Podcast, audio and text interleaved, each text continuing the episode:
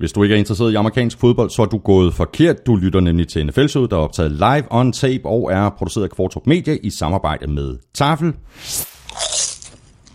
og Odset på Danske Spil. Du kan abonnere og downloade i iTunes eller i den player, du benytter på din Android-telefon. Alternativt så kan du lytte på nflshowet.dk, på gulklyd.dk, i SoundCloud og på Stitcher. I dag der går vi øh, kampen igennem fra 6. spillerunde, og vi ser frem mod næste runde. Derudover så er der Odset quiz fra Odset, ugens spiller fra Tafel, det quiz fra Amstrup, spiltip fra Elming, fantasy tips fra Korsmed, plus det løse. Tusind tak til alle, der har valgt at støtte os med et øh, valgfrit beløb på tier.dk eller via det link, der ligger på nflshow.dk, og stor tak for de seneste anmeldelser i iTunes. Claus Elming, har du jo set en af de seneste anmeldelser, vi har, vi har fået? Vi har fået øh, fire stjerner. Det er, ikke, det er ikke så tit, at vi får fire stjerner. Er det godt eller skidt? Det er da flot med fire stjerner, men, Men det, det er maksimalt. Ja, som regel. Okay. Nå. Nej, jeg har ikke set den. Nej, må du, nu skal du høre, hvad han skriver. Øhm, alt i alt er det en glimrende podcast, da NFLming og den gode her Kvartrup virker, som om de hygger sig gevaldigt. Mm. Dog synes jeg personligt, at der af og til går lidt for meget sang og gøjl i den. sang? What? hvad? What the fuck? What the fuck? Sang og gøjl? Jeg ved ikke, hvad det er for en podcast, han lytter til. Nej, det, Det- er, det kan ikke det er være ikke os. den her.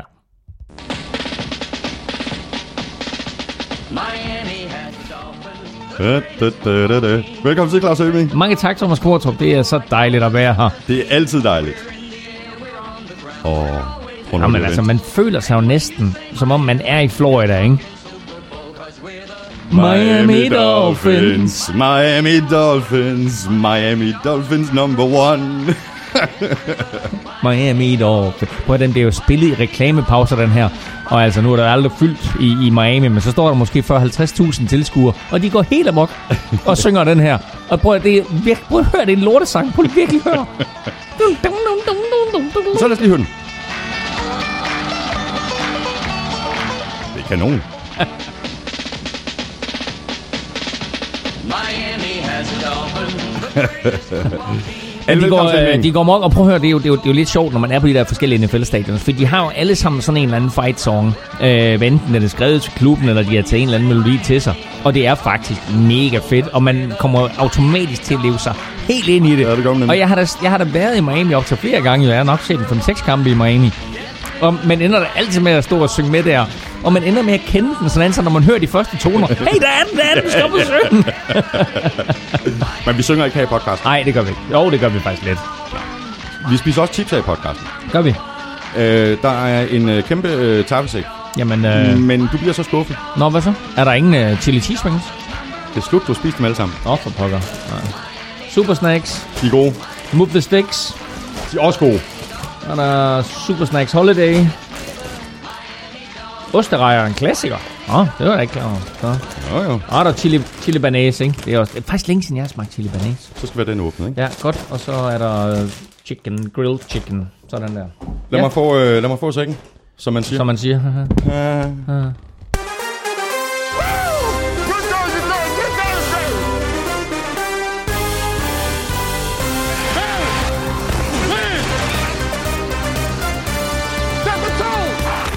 Chiefs er ikke længere ubesejret, Giants er ikke længere uden en sejr, Packers er til gengæld uden Aaron Rodgers, der gik ud med en skulderskade imod Vikings. Og Rodgers er sandsynligvis ude resten af sæsonen. Katastrofe for Packers.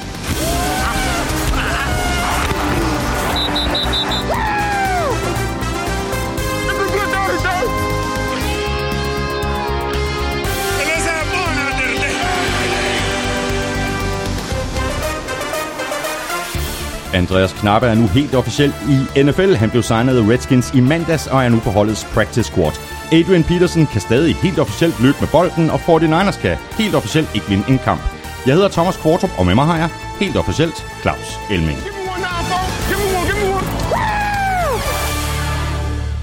Claus Elming, Dejligt. Mm. vi lægger ud med nogle... Chili, øh, chili banase, det, det, de er nemlig gode. Det, det er Lad længe siden, jeg har fået det her. De er virkelig gode. Jeg glemte, vi stille den her jeg midt på hvor gode de bordet, egentlig var. Ja, det er rigtig godt. Mm.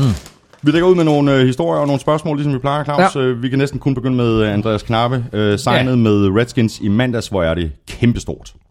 Det er så kæmpestort, og det er så fedt, og jeg har talt lidt med ham øh, frem og tilbage.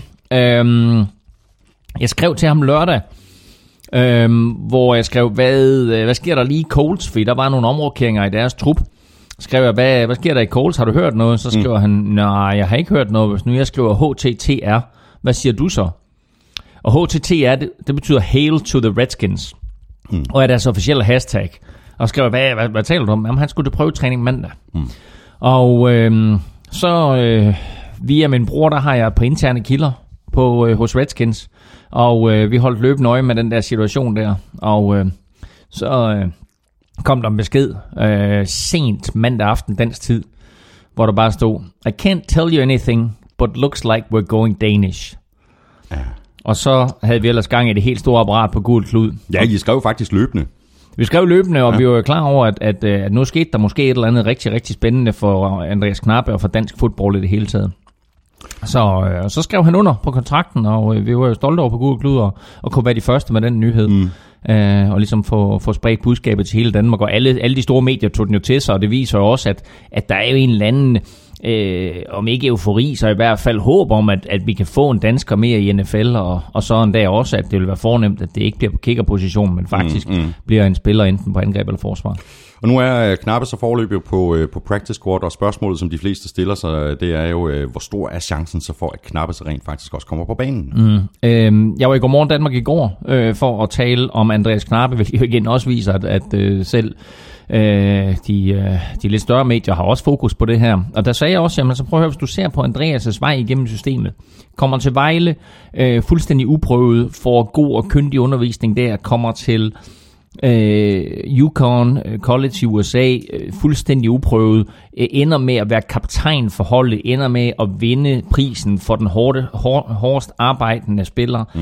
Øh, bliver ikke draftet, kommer til Falcons, bliver kortet, kommer til Colts til prøvetræning, får ikke en kontrakt, kommer til Redskins, har prøvetrænet, eller har selvtrænet øh, hele vejen igennem, og får nu endelig muligheden for at komme ind på practice squad. Nu er han i samme situation, som da han startede på University of Connecticut. Fuldstændig uprøvet, rimelig ukendt, men med sin egen vilje, sit eget drive, mm. sin egen indstilling til at arbejde hårdt, og stille og roligt, så vil han imponere holdkammerater, både med sit væsen og sin fodboldkunde. Han vil imponere trænere, og på et eller andet tidspunkt, der siger Redskins, lad os opgradere ham der mm. til den rigtige trup. Eller en anden klub får øje på ham, og så siger de, okay, altså hvis, nu, hvis der er et andet hold, Ja. øh, der, der, der mister øh, nogle spillere på O-line, mm. jamen øh, okay, Andreas Knappe, Præcis. måske skulle vi hive ham over. Ikke? Og, Men, det er, og øh, der er altså kortere vej, når, når han er på et practice squad på et hold, end hvis han er ude i Uanset hvad, så er det så vigtigt for ham at få den her plads på Redskins uh, practice squad, fordi nu er han inden, der er 320 spillere på practice squads rundt omkring, ikke? og det er måske hvad, hvad 20-30 stykker af dem, der er offensive linemen. Ikke? Så han er en meget, meget lille gruppe nu af aktuelle spillere, som kan blive opgraderet enten til Redskins trup eller til andre. Og for lige at nævne det en gang mere, hvis en anden klub henter ham, så kan de ikke sætte ham på deres egen practice squad, så skal de aktivere ham til deres 53-mands trup. Mm.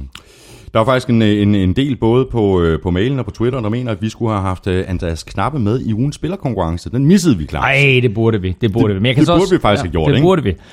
Og øh, jeg tror, at hvis øh, Kirk Cousins han øh, havde haft øh, muligheden for at vælge spillere øh, til ugens spillerkonkurrence, så ville han måske også have taget Andreas Knappe med. Mm. Fordi jeg talte med Andreas sent i går aftes, og øh, der fortalte han, hvor jeg spurgte ham sådan, øh, for jeg sagde til ham, da jeg jokede lidt der med, med, med at han skulle til Redskins, så sagde jeg, hils Captain Kirk fra mig, så griner han, ja, men skulle nok. Så går så skrev jeg til ham, hvad husker du at hilse Kirk fra mig? Så sagde han så, nej, dog ikke, men, men, øh, men Kirk Cousins var kommet over. Bare lige for at hilse på ham, du ved, og sige velkommen til.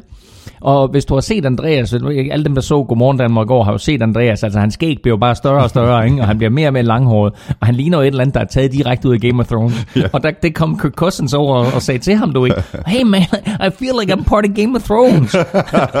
så, så på en eller anden måde, ikke, du ved, der har han jo altså, eller, eller han nævnte faktisk også uh, Ringenes Herre og så videre, ikke, at, at han måske mente, at han var en del af det. Men på en eller anden måde, ikke, der har han jo allerede nu øh, etableret sig selv øh, ganske, ganske kort. Det var hans første og eneste træning indtil videre med klubben. Øh, tirsdag var der ikke en officiel træning, men der var han til videotræning med trænerne og til mm. møder og så videre. Så selvom alle andre spillere havde fri, så var Andreas der altså og blev punket igennem og lærte playbook og så videre. Ja, jeg, jeg og så skulle, skulle lige til at sige det her med playbooken, der, er- det, det er fast arbejde ikke? nu, ikke? og så, jo jo, og og han bor på hotel i, øh, i, i DC, så han har ikke andet at give sig til efter træningen, Nej, at lægge sig op på hotelværelse, og, og øh, når han så føler, at han, han skal trykke lidt på Netflix for at se øh, Game of Thrones eller noget andet, så øh, kan han i stedet for lige vælge at, at Mm. kigge playbook. Øh, men hans første træning var onsdag, og øh, gik øh, ifølge Andreas godt. Han sagde, at der var ikke sådan noget revolutionerende, så, så det var sådan stille og roligt. Øh, men det er fra nu af, det ligesom starter for Andreas. Mm. Så er der faktisk også en del, der mener, at Knappe skulle have været med på dit momentometer, Claus. Det er han også lidt. Han er lidt med på mit momentometer, fordi jeg skrev til Redskins, Redskins er det det eneste hold med en dansker, de burde ligge nummer et. Okay. Så du er lidt, fordi jeg, jeg tjekker ikke dit momentometer, Nej, nej. fordi det skal komme lidt som en surprise øh, til Præcis. sidst, når vi taler dit uh, momentometer Ja, ja, ja. I, i slutningen Han er ikke forbigået. Nå, det er godt. Nå, men øh, så kan vi heller ikke forbigå, at øh, der var en skade, endnu en skade til en af de helt store profiler mm, i øh, sidste mm, spillerunde, mm. Aaron Rodgers. Han er ude, han skal opereres, sandsynligvis ude resten af sæsonen. Jeg har også læst, at han kan være tilbage i uge 15. Ja. Og kommer han tilbage i uge 15, helt fint. Eneste problem er, hvis Packers de på det tidspunkt er øh, 7 og 8, aktie et eller andet, mm. eller 6 og 8, så er det lidt lige meget. Ja, øh, de skal ind og vinde nogle kampe nu med Brett Hundley som quarterback. Øh, det kan vi vende tilbage til, for det er ikke, det er ikke nødvendigvis umuligt, at de gør det. Øh, men øh, som jeg hører det fra øh, Green Bay, så øh, er håbet om, at han kommer tilbage, så er det nærmest ikke engang lysegrønt. nej, nej. Altså, det er meget, meget sort. Så han er, øh, han er med stor sandsynlighed færdig for sæsonen. Det er en katastrofe for Packers, det her. Og lad os bare lige tale øh, Brent Huntley øh, lige om lidt, fordi der Brett. er kommet et... Øh, Brett, Brett, Brett, sagde Brent? Ja, du sagde Brent. Ja, men det var- det var ikke med vilje. Nej, men i mit momentometer vil jeg bare lige sige, jeg skrev, gode nyheder, Brett er quarterback i Green Bay. Dårlige nyheder, han hedder Huntley til efternavn. og altså ikke far.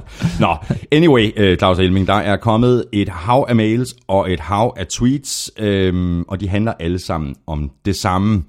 Nikolaj Vangsgaard øh, skriver, Aaron Rodgers er GOAT, GOAT, GOAT, GOAT. Rodgers skadet i første kvartal mod Vikings. Hashtag Elmingkøs. Mm. Dennis Lærke, nu er I nødt til at stoppe. Ikke mere snak om Aaron Rodgers. Først snakker I om, at han, han, kun har kastet en pick 6, og bum, så går han ud og kaster en mere. Så snakker I om, at han er den bedste, the GOAT, hvilket han er. Og bum, så bliver han alvorligt skadet. I skal stoppe med at jinx Aaron Rodgers. Bed om hilsning, ked, ked, ked, Packers-fan. Og der er mange flere. Jamen prøv at, jeg, jeg skal med det samme beklage, fordi det er jo helt, det er jo helt sikkert vores skyld. Øh, men jeg kan også mærke, at der er en eller anden form for, for øh, håb i befolkningen om, at vi aldrig nogensinde igen taler positivt om Aaron Rodgers. Så det kan jeg hermed love, at det gør jeg aldrig igen. Og så til, øh, til spørgsmålet øh, om Brett Huntley øh, kommer fra Lars Elgaard. Han skriver, jeg er et ostehoved med billetter til Packers Lions. Kampen i november tror I lige, at man blev træls til mode i weekenden. Ja, det kan jeg levende forestille jer. Hvad er jeres holdning til Brett Huntley? Er det muligt for ham at tage Packers til slutspillet? Han har jo en kanonarm og et eller andet. Må man vel lære af at sidde bag ligaens bedste quarterback? Ja, og hvis man øh, går lidt tilbage i tiden, så sad Aaron Rodgers jo også på bænken bag ved Brett Favre, så Brett Huntley har været lidt i samme situation, sidder bag øh, ligaens største stjerne, øh, i hvert fald en af dem, og lærer fra den bedste. Og jeg synes faktisk, at selvom Brett Huntley kaster tre interceptions imod Vikings i søndags, efter han kommer ind, så spiller han faktisk ganske okay. Mm. Øh, og han er ikke nogen Aaron Rodgers. Selvfølgelig er han ikke det. Men han er, han er heller ikke en Matt Castle, øh, som kommer ind og slet ikke kan få det til at fungere. Det her det er faktisk en quarterback, som Packers har haft det der system i tre år, som er blevet coachet af Mike McCarthy, som har, er blevet oplært af Aaron Rodgers. Jeg vil ikke være helt utilpas til mode, hvis jeg var Packers-fan. Det er klart, Aaron Rodgers er i en liga for sig, men Brett Huntley, tror jeg, er en ganske kapabel backup, øh, og skal nok vinde nogle kampe øh, for Packers. Mm. Kan han nå at vinde nok til, at Aaron Rodgers måske kommer tilbage? Det er tvivlsomt. På den anden side, ja, han kaster tre interceptions, men det er altså heller ikke hver uge, han møder et Vikings forsvar. Øh, det, er, det er blandt de bedste forsvar, det så vi i weekenden, når konstant pres på ham, han blev tvunget til nogle interceptions.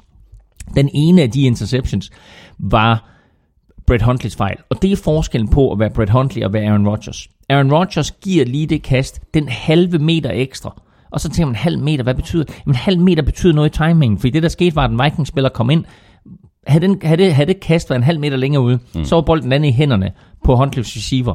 Nu er det en Vikings-spiller, der lige kommer til at slå til den, så bliver den slået op og grebet af en anden Vikings-spiller. Så de der små detaljer, men det skal han også nok blive bedre til. Så jeg tror faktisk, at Huntley kommer ind, og øh, lidt ligesom faktisk, da Vikings mistede Sam Bradford, at så satte de Case Keenum ind, og mm. alle Vikings-fans, de tog sig til hovedet og tænkte, åh nej. Men jeg tror, det bliver det samme i Packers. Folk de siger, åh nej, men Brett Huntley skal nok gå ind og gøre det godt. Så har vi en øh, mail her fra Anders Petersen. Øh, han skriver, NFL's skadesliste tæller nu blandt andre David Johnson, Odell Beckham Jr., Aaron Rodgers og J.J. Watts, der alle er enten officielt færdige for sæsonen eller meget tæt på. Alle fire er kæmpe stjerner, som vi fans nu må undvære. Det må også øh, bekymre NFL, der lever af at levere det bedst mulige produkt. Jeg vil savne alle de nævnte spillere, men tror ikke, at deres skader kunne være undgået, så længe kontakt er tilladt i NFL. men risikerer vi nu alligevel, at NFL vil føle sig tvunget til at indføre nye regler, simpelthen fordi skaderne i år har ramt nogle af de allermest profilerede spillere, og hvor svær er balancegangen mellem spillersikkerhed og spilkvalitet. Prøv lige at nævne de fire spillere igen. Aaron Rodgers, bedste quarterback. Odell Beckham Jr., bedste receiver. David Johnson, bedste running back. J.J. Watt, højst profileret defensive end. Mm. Fire megastjerner. Ikke? Hvis du skulle vælge cover til øh, et hvert magasin, eller øh, Madden for en sags skyld, eller hvad det var, det er spillere, som alle sammen enten har været der, eller i en, i en nær fremtid vil komme det. Fire posterboys for NFL. Det er en katastrofe. Det er en katastrofe for deres respektive klubber, og det er en katastrofe for NFL som liga, og det er også en katastrofe set på den lange bane med hensyn til, vil forældre lade deres børn dyrke amerikansk fodbold. Mm. Superstjerner i den bedste form i deres liv bliver skadet. Udover at der selvfølgelig var kontakt, så er der en fællesnævner for de fire skader, og det er kunstunderlag. Og øh, Dalvin Cook fra Minnesota Vikings, deres rookie running back, blev skadet i en ene ulykke på Vikings turf. Hvem er det her kunstunderlag godt for? Det er godt for de spillere, som øh, er super adrette og kan lave nogle cuts hurtigt, som sætter forsvarsspillere på røven. Mm. Det er sjovt for tilskuerne at se, når en, øh, når en forsvarsspiller øh, fuldstændig bliver snydt af en angrebsspiller. Øh, det, det giver spillet et aspekt, men Dalvin Cook var ikke kommet til skade, hvis det var det skete på græs. Fordi så var græsset givet efter, og så er han faldet, og, ikke, og så var han, nå, okay, han faldt af sig selv. Her, der laver han et cut, hvor underlaget ikke giver efter. J.J. Watt bliver skadet, når man ser det igen og igen og igen. Man tænker, hvordan bliver han skadet der? Men underlaget giver ikke efter. Og på den måde, så slår han altså en flis af, af, af sit underben, af knoglen på underbenet. Ikke? Øh, Odell Beckham Jr., ja, okay, fair nok. Han får sit ben fanget øh, under en spiller. Det er ikke nødvendigvis Men det er også skyld. jo meget vanskeligt at undgå, ikke? Jo, jo, den, den er vanskelig at undgå. Ja, ja. Aaron Rodgers lander på det her underlag. Øh, jeg siger ikke, at han ikke havde brækket kravbenet på græs, men græs øh, med underliggende jord havde givet mere efter, end det underlag gjorde mm. i, øh, på Vikings nye stadion. Så jeg tror, og jeg har sagt det før, at NFL skal kigge meget på at lave flere baner med græs. Når de nu bygger nye stadions, så gør alt for, at det kan være græsbaner. Nu har Vikings ikke, de har, de har bygget det her nye stadion, hvor der er et, øh, et, et tag på, der kan skydes af og på.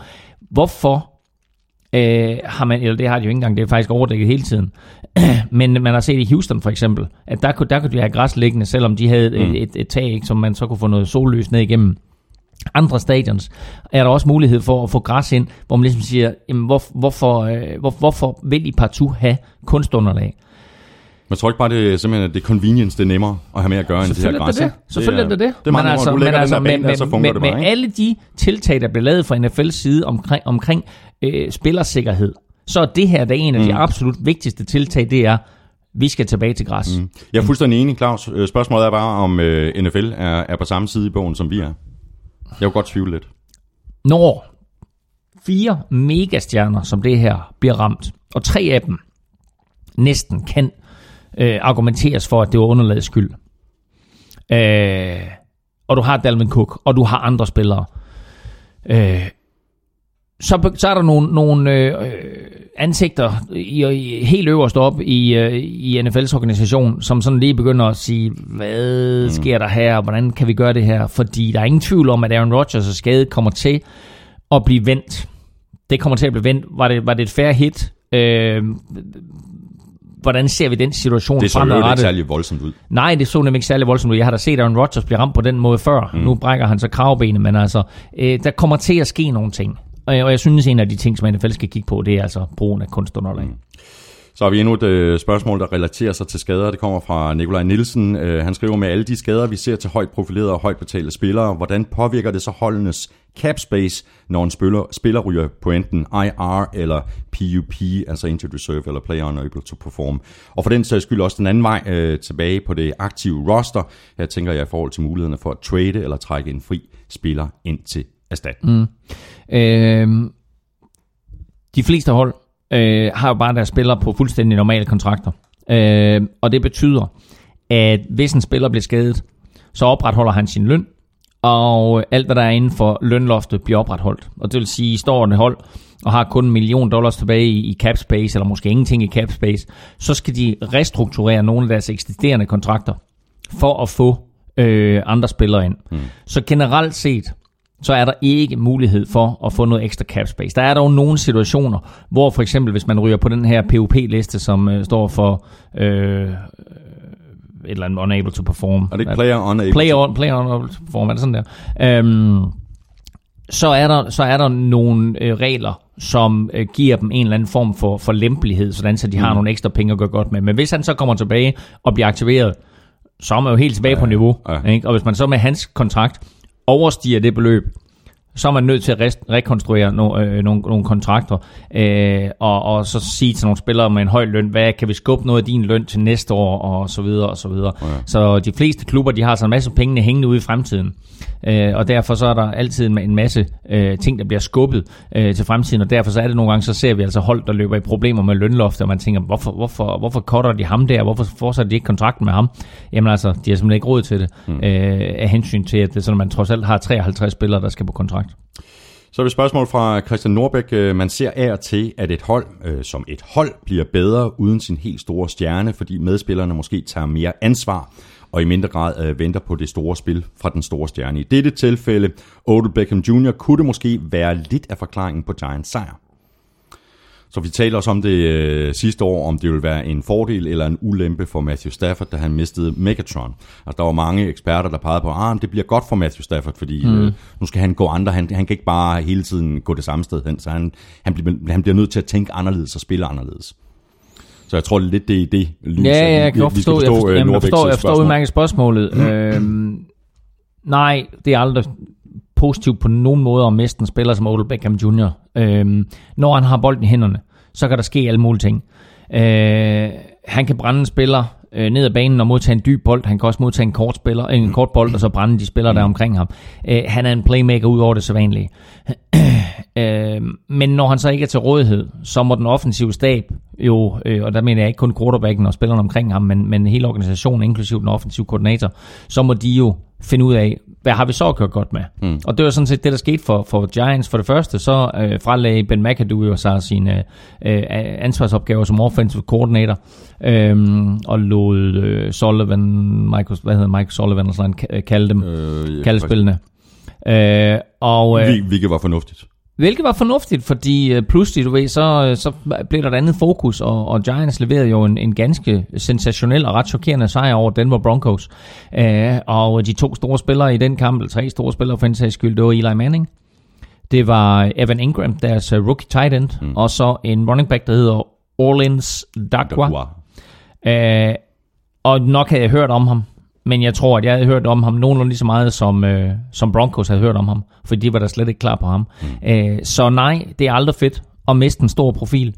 Øh, har selv stået til en Mermaid Bowl øh, og skulle spille den uden min absolut største profil, og det blev bare aldrig det samme. Øh, man prøver selvfølgelig på at sige til spillerne, hey, vi er lige så godt forberedt, vi er det samme fodboldhold, og så videre, men alle ved godt, mm. at ham der, han er en, øh, han er en difference maker. Øh, og uden ham, jamen der, der er vi bare ikke det samme fodboldhold, og det er det samme med, med, med Giants. Mm. Uden Odell Beckham, der er det bare et andet fodboldhold. Mm. Nu nævnte du lige, at øh, Ben McAdoo havde afgivet øh, pligtens øh, til, til, til at kalde offensiv kald, øh, og der er faktisk et spørgsmål her fra Mads Meier. Kan I forklare, hvorfor man så hurtigt ser positive ændringer ved skifte af offensiv koordinator? Burde der ikke være en indkøringsproces til de nye idéer og systemer i så taktisk en sport som amerikansk fodbold? Både Bengals og Giants har nu haft succes fra samme uge, som de skiftede offensiv koordinator. Ja, og, og øh, det der jo nogle gange sker, det er, at øh, man måske går tilbage til noget, som man havde før i tiden, og det er lidt det, jeg synes, jeg, jeg, jeg ser i Bengals, at øh, Andy Dalton øh, har fået at vide, prøv at høre, øh, du har en arm, og øh, nummer 18, AJ Green, han har hænder. Ikke? Øh, nu skal din arm bare sørge for, at bolden den kommer ud i hænderne på ham, der er nummer 18. Ikke? Og så må vi bygge alt op omkring det efter. Så, så der er man simpelthen gået, gået back to basics og sagt, hvad er det, der har fungeret for os? Øh, derudover, så kan det være, at der er nogle blocking schemes, der er nogle andre ting. Øh, øh, for eksempel så, så havde øh, Giants jo stor succes med simpelthen at være vanvittigt godt forberedt på Broncos, og havde fundet ud af, hvad er det helt præcis, vi gør. Og så øh, i ren Bill Belichick-stil, så sagde de, at vi tager Von Miller ud af den her kamp. Ikke? Når, når vi først havde styr på ham, så kunne vi gøre alt, alt det andet, vi havde lyst til. Og det betød faktisk, at, at uh, Eli Manning havde tid til at kaste, og når der skulle løbes med bolden, jamen, så var de faktisk også i stand til at åbne ja. huller, hvilket måske var det mest overraskende. Uh, men, uh, men det er altså det er et spørgsmål om, måske at, at uh, lidt ligesom når man ser trænerskift i almindelig fodbold, ikke? at der kommer bare noget ny energi man ryster posen, og, og nogle gange der giver det en chok-effekt, ja. som skaber noget positivt, og ja. andre gange så sker der ikke en Ja, en nogle gange så skaber det noget positivt til at starte med, du mm. ved, og så falder det hele sammen igen. Ja. Så lad os nu se, hvor lang tid uh, Giants de kan holde fast i, i den her positivitet, og, og Bengals har jo også en super vigtig kamp i weekenden, når de skal spille mod Steelers, så det er sådan den første rigtige test mm. for dem, ikke? Altså, de har vundet to i træk, og burde sådan set have vundet tre i træk, fordi de havde jo øh, Packers i deres hulehånd, øh, men nu kommer der en vigtig kamp mod Steelers, og den kan vi snakke mere om senere. Mm. Der er et spørgsmål her fra øh, Brian Søgaard, der tager udgangspunkt i en øh, helt specifik kamp, men øh, selve spørgsmålet handler ikke om kampen. Efter Vikings nummer 11 lavede et hit på en Packers-spiller med dertil følgende regn af gule flag, blev det så til første og 40. Hvad er egentlig det største antal yards, et hold har skulle vinde for en ny første down? Ja, altså det var jo ikke den eneste straf, der gav første og 40, fordi de fik, jeg tror, de fik en holding, og så fik de en false start, og så fik de den der 15 yards straf, ikke? Mm. så det var, det var minus 30 yards oven i de oprindelige 10, ikke? så stod de med en første down og 40. Øh, jeg ved det faktisk ikke i NFL, hvad, hvad den længste det længste, man har skulle til øh, for at, at, at nå en første down er. Men for ikke ret lang tid siden, tre uger siden eller sådan noget, der lagde jeg faktisk en video op på gulklud.dk. Jeg er sikker på, at man kan finde den derinde. Man skal bare søge på, jeg tror 93, så, øh, så, så kommer videoen frem. Fordi der er en situation med en, en college fumble, hvor, hvor øh, spillerne kæmper om den her bold, og bolden bliver ved med at blive rykket længere og længere tilbage. Jeg har set det. Det ender med en tredje down og 93. lad, mig, lad mig være lidt en spoiler her. De fik den ikke. tredje down og 93, det er også op ad bakke. Ja. Nå, så har vi lidt, uh, lidt andre historier, Claus. Uh, Navarro Bowman, han blev fritstillet af 49ers i sidste uge. Uh, det gik uh, rasende stærkt. Uh, først der var der rygter om, at 49ers de shoppede ham, og så mindre end et døgn senere, så fritsstillede de ham. Uh, de kunne faktisk have traded ham, men det var så til, til hold, som Navarro Bowman ikke havde lyst til at spille for. Så de sagde, det er fint, så lader vi der gå. Og angiveligt så var Saints jo villige til at give et 6. runde draft pick ja, for Navarro Bowman. Mm. Og altså 6. runde draft pick, jamen betyder det noget?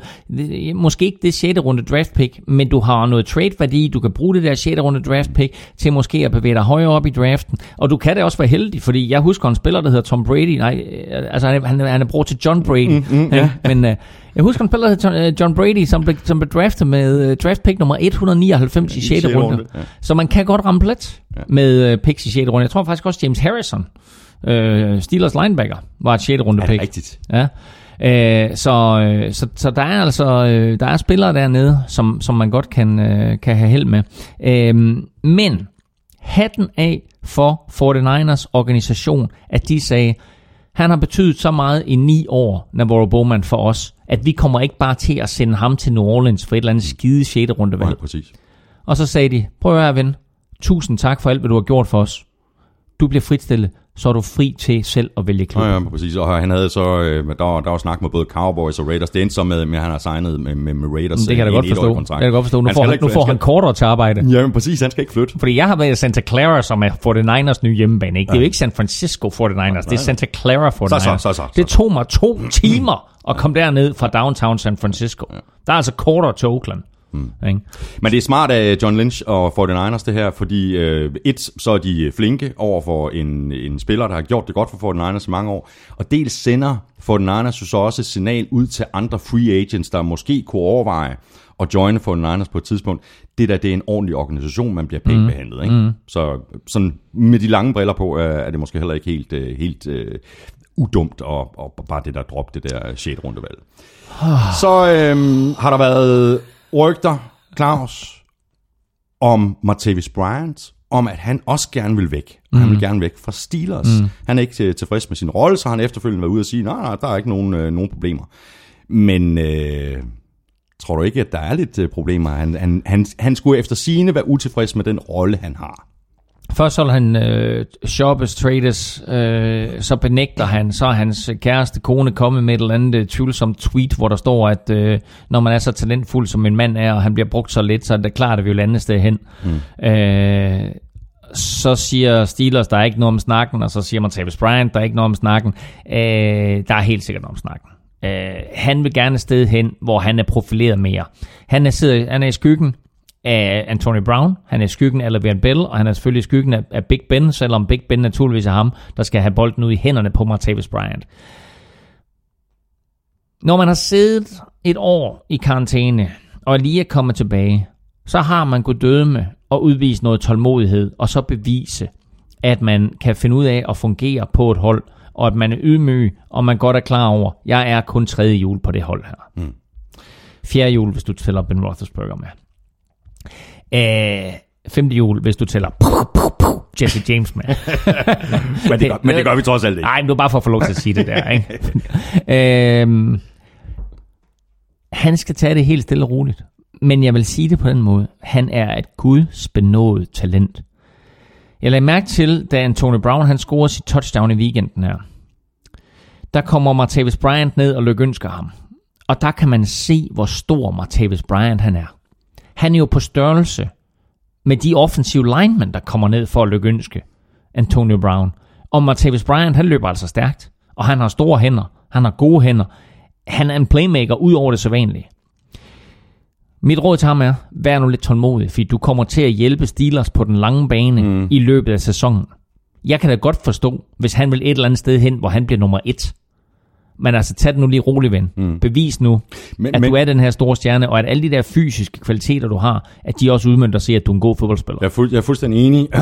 Spørgsmålet er bare, hvis Martavis Bryant virkelig gerne vil væk fra Pittsburgh, og hvis han for eksempel er med til at skabe dårlig stemning mm. i, i omklædningsrummet, mm. jamen så, øh, så ser man jo tit, øh, at øh, hold siger, jamen det er fint, vi skal ikke have den her dårlige stemning, så øh, er sted med dig. Mm. Jeg tror bare ikke, at Steelers kan få den værdi i et trade, som hans talent i virkeligheden berettiger til. Ja, præcis. Netop på grund af, at han har siddet ude øh, to gange øh, øh, bost for, mm. for, øh, for, for at ryge øh, marijuana. Mm. Øh, og jeg tror, at øh, det har sænket hans trade-værdi øh, gevaldigt. Øh, ja, så jeg tror, at Steelers de vil gøre, øh, hvad de kan for at holde ham i huset. Ja, men, men hvis han så er så utilfreds, så skal de også sørge for at få bolden i hænderne på ham, så, så resten af de 31 klubber kan se, okay, han er jo virkelig sensationel ham her, mm. for det er han. Han er jo en, en altså fuldstændig vanvittig dygtig receiver med nogle fysiske kvaliteter, som vi ikke har set siden Randy Moss. Altså, han er øh, jo øh, 2017-udgaven af Randy Moss. Han har bare ikke nær så meget succes, han er ikke lige så profileret, men sådan rent fysisk, mm. der er han jo øh, næsten lige så talentfuld, som, som Randy Moss var. Øh, der er 12 dage til trade deadline, 31. oktober. Så øh, der er 12 dage til at finde ud af, om han skal trades, og der er 12 dage til at finde ud af, hvad der, hvad der ellers skal foregå af trades rundt omkring. Der er et par andre øh, rygter og hister her, som vi kan vende tilbage til i næste uge, når tiden nærmer sig, og, og de rygter, de tager til.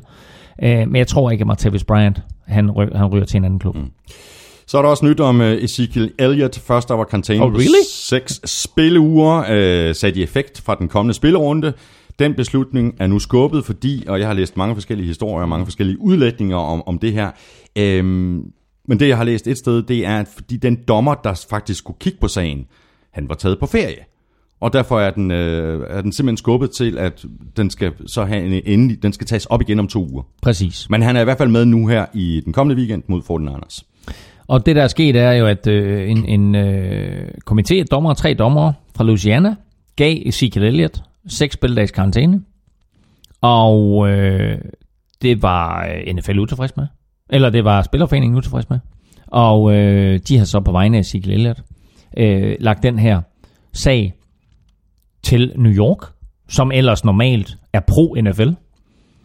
Og øh, dommerne i New York øh, har så øh, angiveligt, fordi at den dommer, der, der skal tage stilling til det, er på ferie, øh, valgt at udskyde sagen i 14 dage. Så nu spiller han med, Thomas, på søndag imod. 49ers. Sådan. Ja, ja, ikke? Så siger du bare tak for den, ikke? Ja, jo, det er skide godt. Så, øh, så, så, så bliver sejren bare desto sødere. Mm. Mm, yeah, right.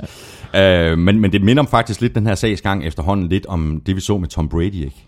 Med Deflategate. Jo, jo. Og så blev den skubbet og skubbet, og så endte det faktisk med at blive skubbet en, en hel sæson, ikke? Og der har været flere af de der, øh, Vikings havde jo også øh, The Williams Wall, Kevin Williams og Pat Williams, der angiveligt begge to havde taget et eller andet stof, eller fået et eller andet indenbords i forbindelse med et andet øh, præparat, de havde taget, som var fuldt lovligt, og så var der et eller andet. Men altså, spillerne har ansvaret for, hvad de propper i munden.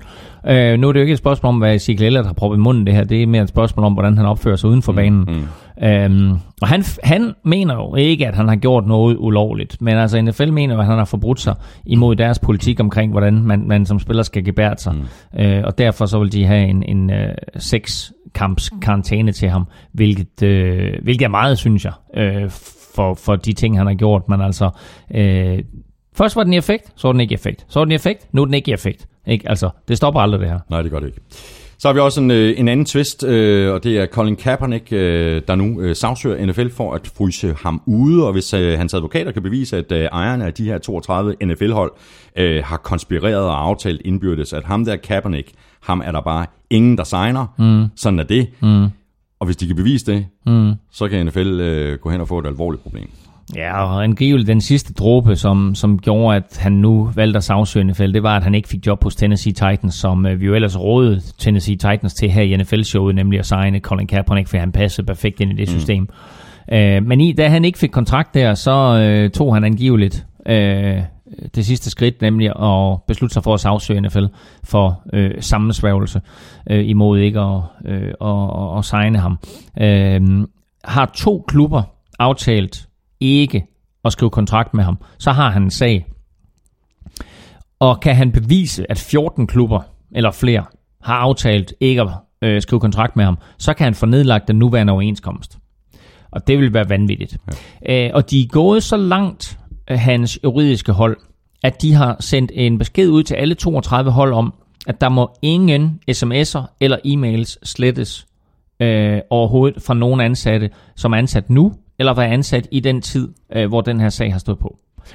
Øhm, hvordan man så lige tjekker, om der er blevet slettet eller ikke er slettet, og hvor hurtigt så man lige får fundet sin mobiltelefon frem og, og, og får slettet den besked, hvor der siger, don't sign Kaepernick. Shit, væk med den der, ikke? Jamen, altså, det, det kender jeg ikke til det der med, med, Nej. med, med, med hvilke spor det er efter Nej, det nej, og sådan noget. men altså, hvis du ser alle mulige gode amerikanske serier, så ved du, at de der FBI og CIA-mennesker og NSA-mennesker, de kan lidt af hver. Øhm, så øh, øh, det er i hvert fald det der, det der sagen er nu. Og øh, der er ikke andet at sige, end at øh, nu har han lagt sagen, og han har vel at mærke lagt sagen selv med sit juridiske hold, ja. udenom Spillerforeningen, og så er Spillerforeningen hoppet på vognen, fordi ja. vi siger, de siger, okay, selvfølgelig er vi med på den her, og, og vil gøre alt for at hjælpe Colin Kaepernick. Ja, den bliver, den bliver spændende at følge mm. den, her, den her sag. Så har vi lige den sidste lille ting, øh, eller lille ting, øh, det er, at øh, NFL og Spillerforeningen øh, holdt møde øh, tidligere på ugen, blandt andet for at finde ud af, hvad man skal gøre ved, ved alle de spillere, der tager knæ under nationalsangen. Der blev sendt en pressemeddelelse ud i tirsdags, mener jeg det var, og den øh, sagde ikke rigtig noget ud over, at der var blevet holdt et konstruktivt øh, møde og bla bla bla. Øh, Men- der var men- intet som helst om, om, om, om, om det her Nej. med nationalsangen, om man, man havde truffet en beslutning om, om enten den- det ene eller det andet. Jamen angiveligt har det slet ikke været på vende. Angiveligt har NFL-ejerne jo været så kloge og sige, vi skal ikke til at snakke om det her. Hvis vi begynder at snakke om det her, så får det her møde en, en helt anden drejning og en, en helt anden aggressivitet fra parterne imod hinanden, øh, end, end det vi vil. Så i stedet for så inviterer ejerne, så inviterer de en masse spillere ind, øh, også Spillerforeningen og repræsentanter øh, fra, fra, fra spillerforeninger og, og, og klubberne, spillere osv., øh, og siger, Øh, nu skal vi snakke om, hvordan det er sådan, at vi får solgt budskabet bedre omkring, øh, hvordan kan vi benytte sociale medier. Er der nogle øh, ting, I gerne vil, øh, vil have ud? Altså de her ting, som jo egentlig er det, som Colin Kaepernick og company, de står for. Hvordan kan vi øh, få det ud i befolkningen? Hvordan kan vi få det fortalt på en god måde? Der bliver aldrig nævnt noget med, i skal ikke gøre det under nationalsangen. I skal ikke gøre sådan. I skal ikke gøre sådan. I må der- ikke gøre sådan. Nej, og der stod i pressemeddelelsen, Ja, ja. at alle spillere respekterer flaget, Ja. alle spillere respekterer Ja. militæret. Ja. Altså, så, så man forholder sig til det, der ligesom er op at vende, og, og som i sandhed øh, har været op at vende, Ja. siden at Trump han, øh, han gik øh, frem i medierne for, hvad er det, en tre ugers tid siden. Ja. Og Arthur Blank, der er, øh, synes jeg, en af de øh, mest innovative ejere overhovedet. Han ejer jo Atlanta Falcons. Øh, en af de mest innovative ejere, og, og uden at jeg har mødt ham personligt, så virker han bare som en mand med hjertet på rette sted. Han sagde, og og det er jo vel, og det er ham, der har lavet den amerikanske udgave af Silvan, som jo hedder Home Depot. Øh, han, øh, han sagde efterfølgende, jeg har aldrig været med til et forretningsmøde i mit liv, hverken på NFL-plan eller på business-plan, der har været så konstruktivt som det, jeg har lige været til. Øh, og det er jo også selvfølgelig en meddelelse, du ved, sådan ud til, hey, du ved, vi er på hinandens side, og vi hjælper hinanden. Men når han skriver sådan noget, så tror jeg ikke, at det er, det er bunch of crap. Så, så tror jeg faktisk, at der er noget om det. Så de er på vej i en eller anden form for retning, hvor det er sådan, at, at der kommer til at ske noget omkring øh, alt det her, som spillerne gerne vil, om, omkring at være mere socialt aktive og mere at, at få udstillet nogle af de problemer, der er i det amerikanske samfund. Så skal de bare finde en god måde at gøre mm. det på. Nu skal vi have noget øh, fantasy, Claus. Øh, jeg har en øh, klar forventning om, at, at vores faste fantasy-korrespondent Peter Korsmed lever op til sin titel og befinder sig under fremmede himmelstrøg. Peter, jeg skal lige høre, om du kan høre mig. Jeg hører dig klart og tydeligt, Thomas. Øh, jeg står jo selvfølgelig på Korfu, fordi jeg følte mig fuldstændig overbevist om, at Danmark ville øh, trække Grækenland i de famøse playoff-kampe i håb om dansk deltagelse ved VM i futsal, eller hvad det nu er for en overrettet fodbold, man dyrker. Og apropos tvivlsomme forudsigelser, så er det også blevet den tid på ugen, hvor jeg blamerer mig ved at fremhæve den ene dubiøse fantasy-spiller efter den anden. Og lad mig da bare springe direkte ud i det ved at anbefale en rookie tight end fra en af ligens to sejrsløse mandskaber. George Kittle er cirka lige så oplagt som fantasy-stjerne, som en græsk økonomichef ville være i en global virksomhedssucces. Men selvom han er draftet i femte runde, har Kittle hurtigt etableret sig som øh, 49ers startende tight end. Det har de seneste to kampe ført til hele 17 targets. Nu skifter 49ers øh, quarterback til den uprøvede CJ Beathard, som helt sikkert vil fortsætte med at kigge efter Kittle. Det lugter fortsat af mange kast mod den unge tight end, og jeg har det med target hos dårlige NFL-hold, som jeg har det med Musaka. Det behøver ikke nødvendigvis at se indbydende ud, der skal bare være store mængder. Hos New York Giants har man øh, hele sæsonen let efter en øh, startende running back, og nu har man måske fundet svaret i form af Orleans Darkwa, a.k.a. Lord Darkwa. Før sæsonen var øh, Darkwa en fantasy-løsning lige så attraktiv som en øh, halvfed græsk autoapokker udstyret med tyrkiske speedos og et års abonnement af babyolie. I weekenden står Giants over for et overraskende svingende Seahawks forsvar. Og selvom der ikke er garanti for 180 yards og øh, 3 touchdowns, så lader jeg da alligevel holde et vågen øje med Darkwa. Han har altså lige leveret knap 120 fuldfede feta yards mod Denver Broncos. Men jeg må løbe igen, Thomas. Øh, jeg har faldet over en flyer for en historisk reenactment af et symposium ved det lokale amfiteater. Og er der noget, som jeg ikke kan stå for, så er det da Platon, Sokrates og Aristoteles største værker udlagt af græske amatørskuespillere.